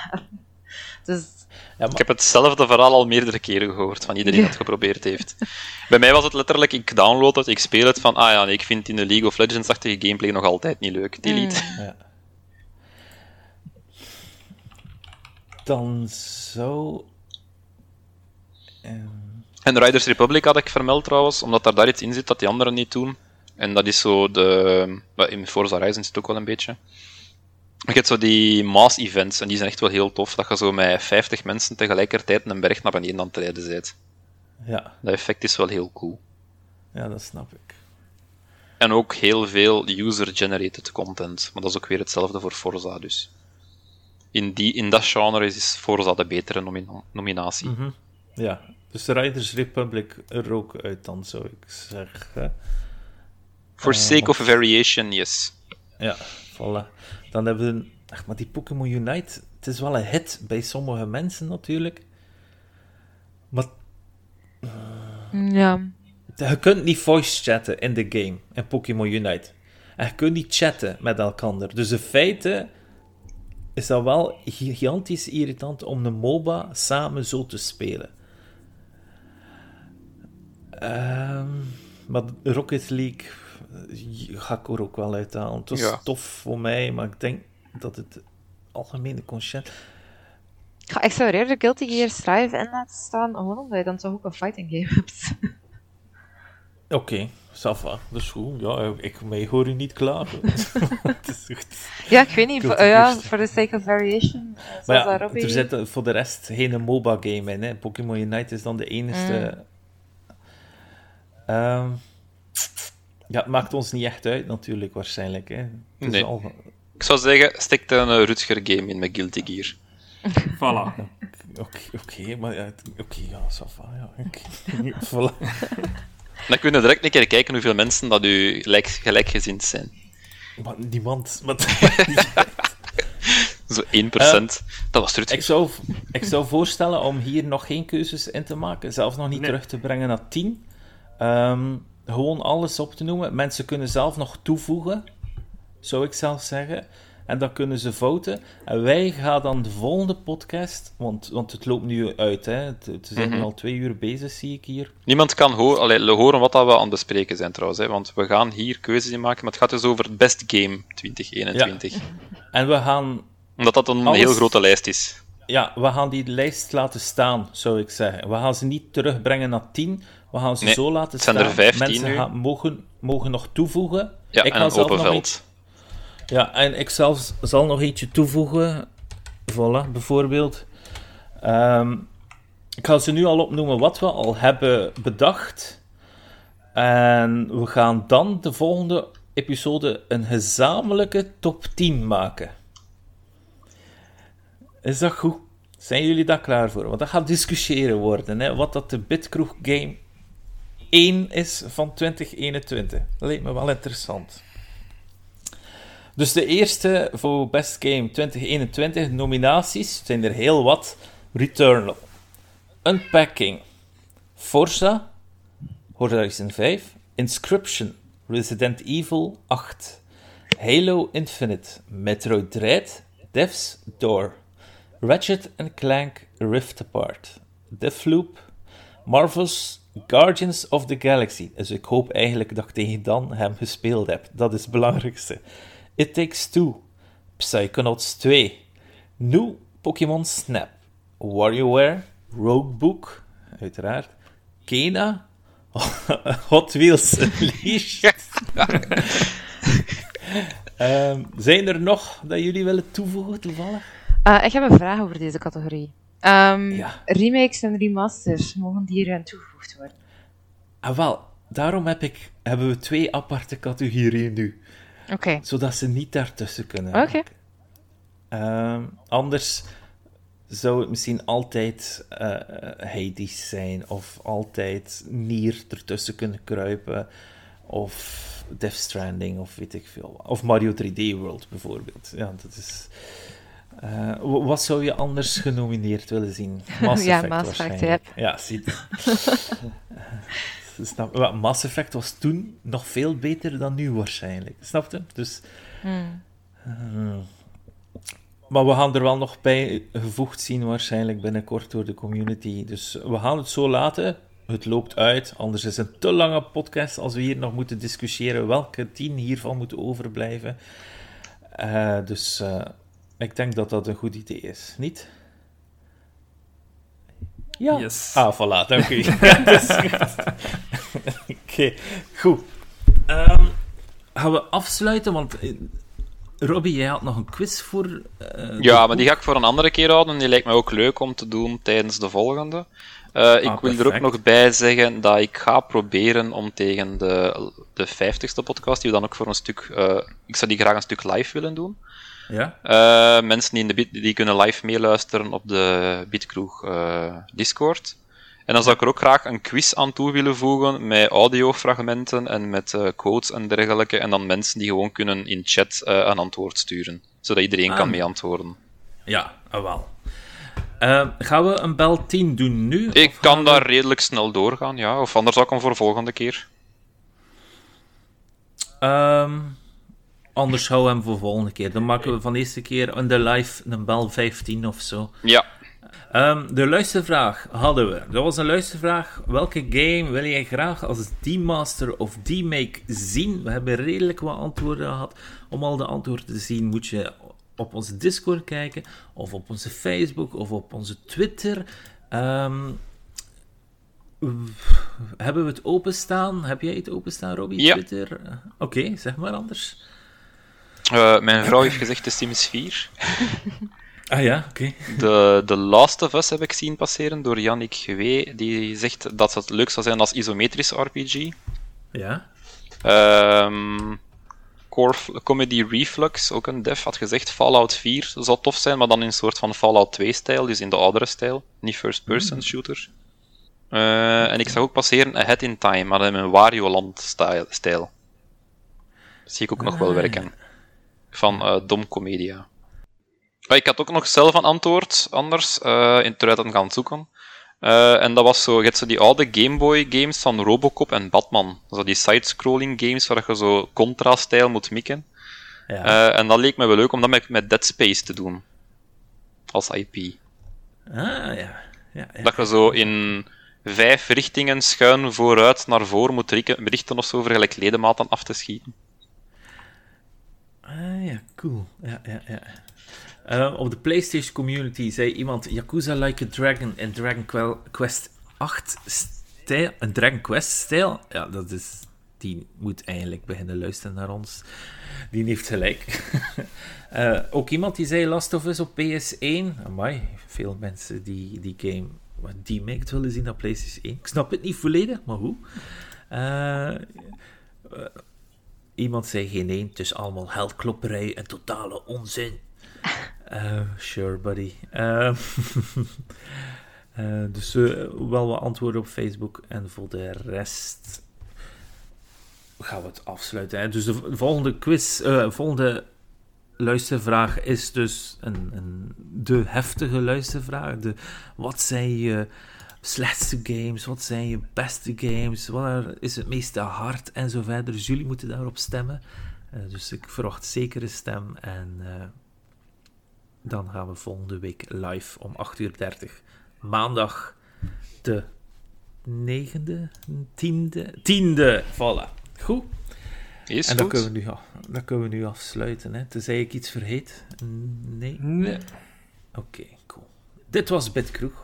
Een langere aflevering, maar wel een goede aflevering, vind ik zelf. Ja, ja inderdaad, ik mag dat zelf zijn. Ruud, waar kunnen we u vinden? Eh, op Twitter, at feartheferry99. Yes. Tim? Eh at of at DMD. Nice. Robbie? Mij vind je overal als Bloody Good Reviews. En ik ben Rutger Knudde. Kun je vinden op 8. Rutger Knudde op Twitter. Dit was Bitkroeg.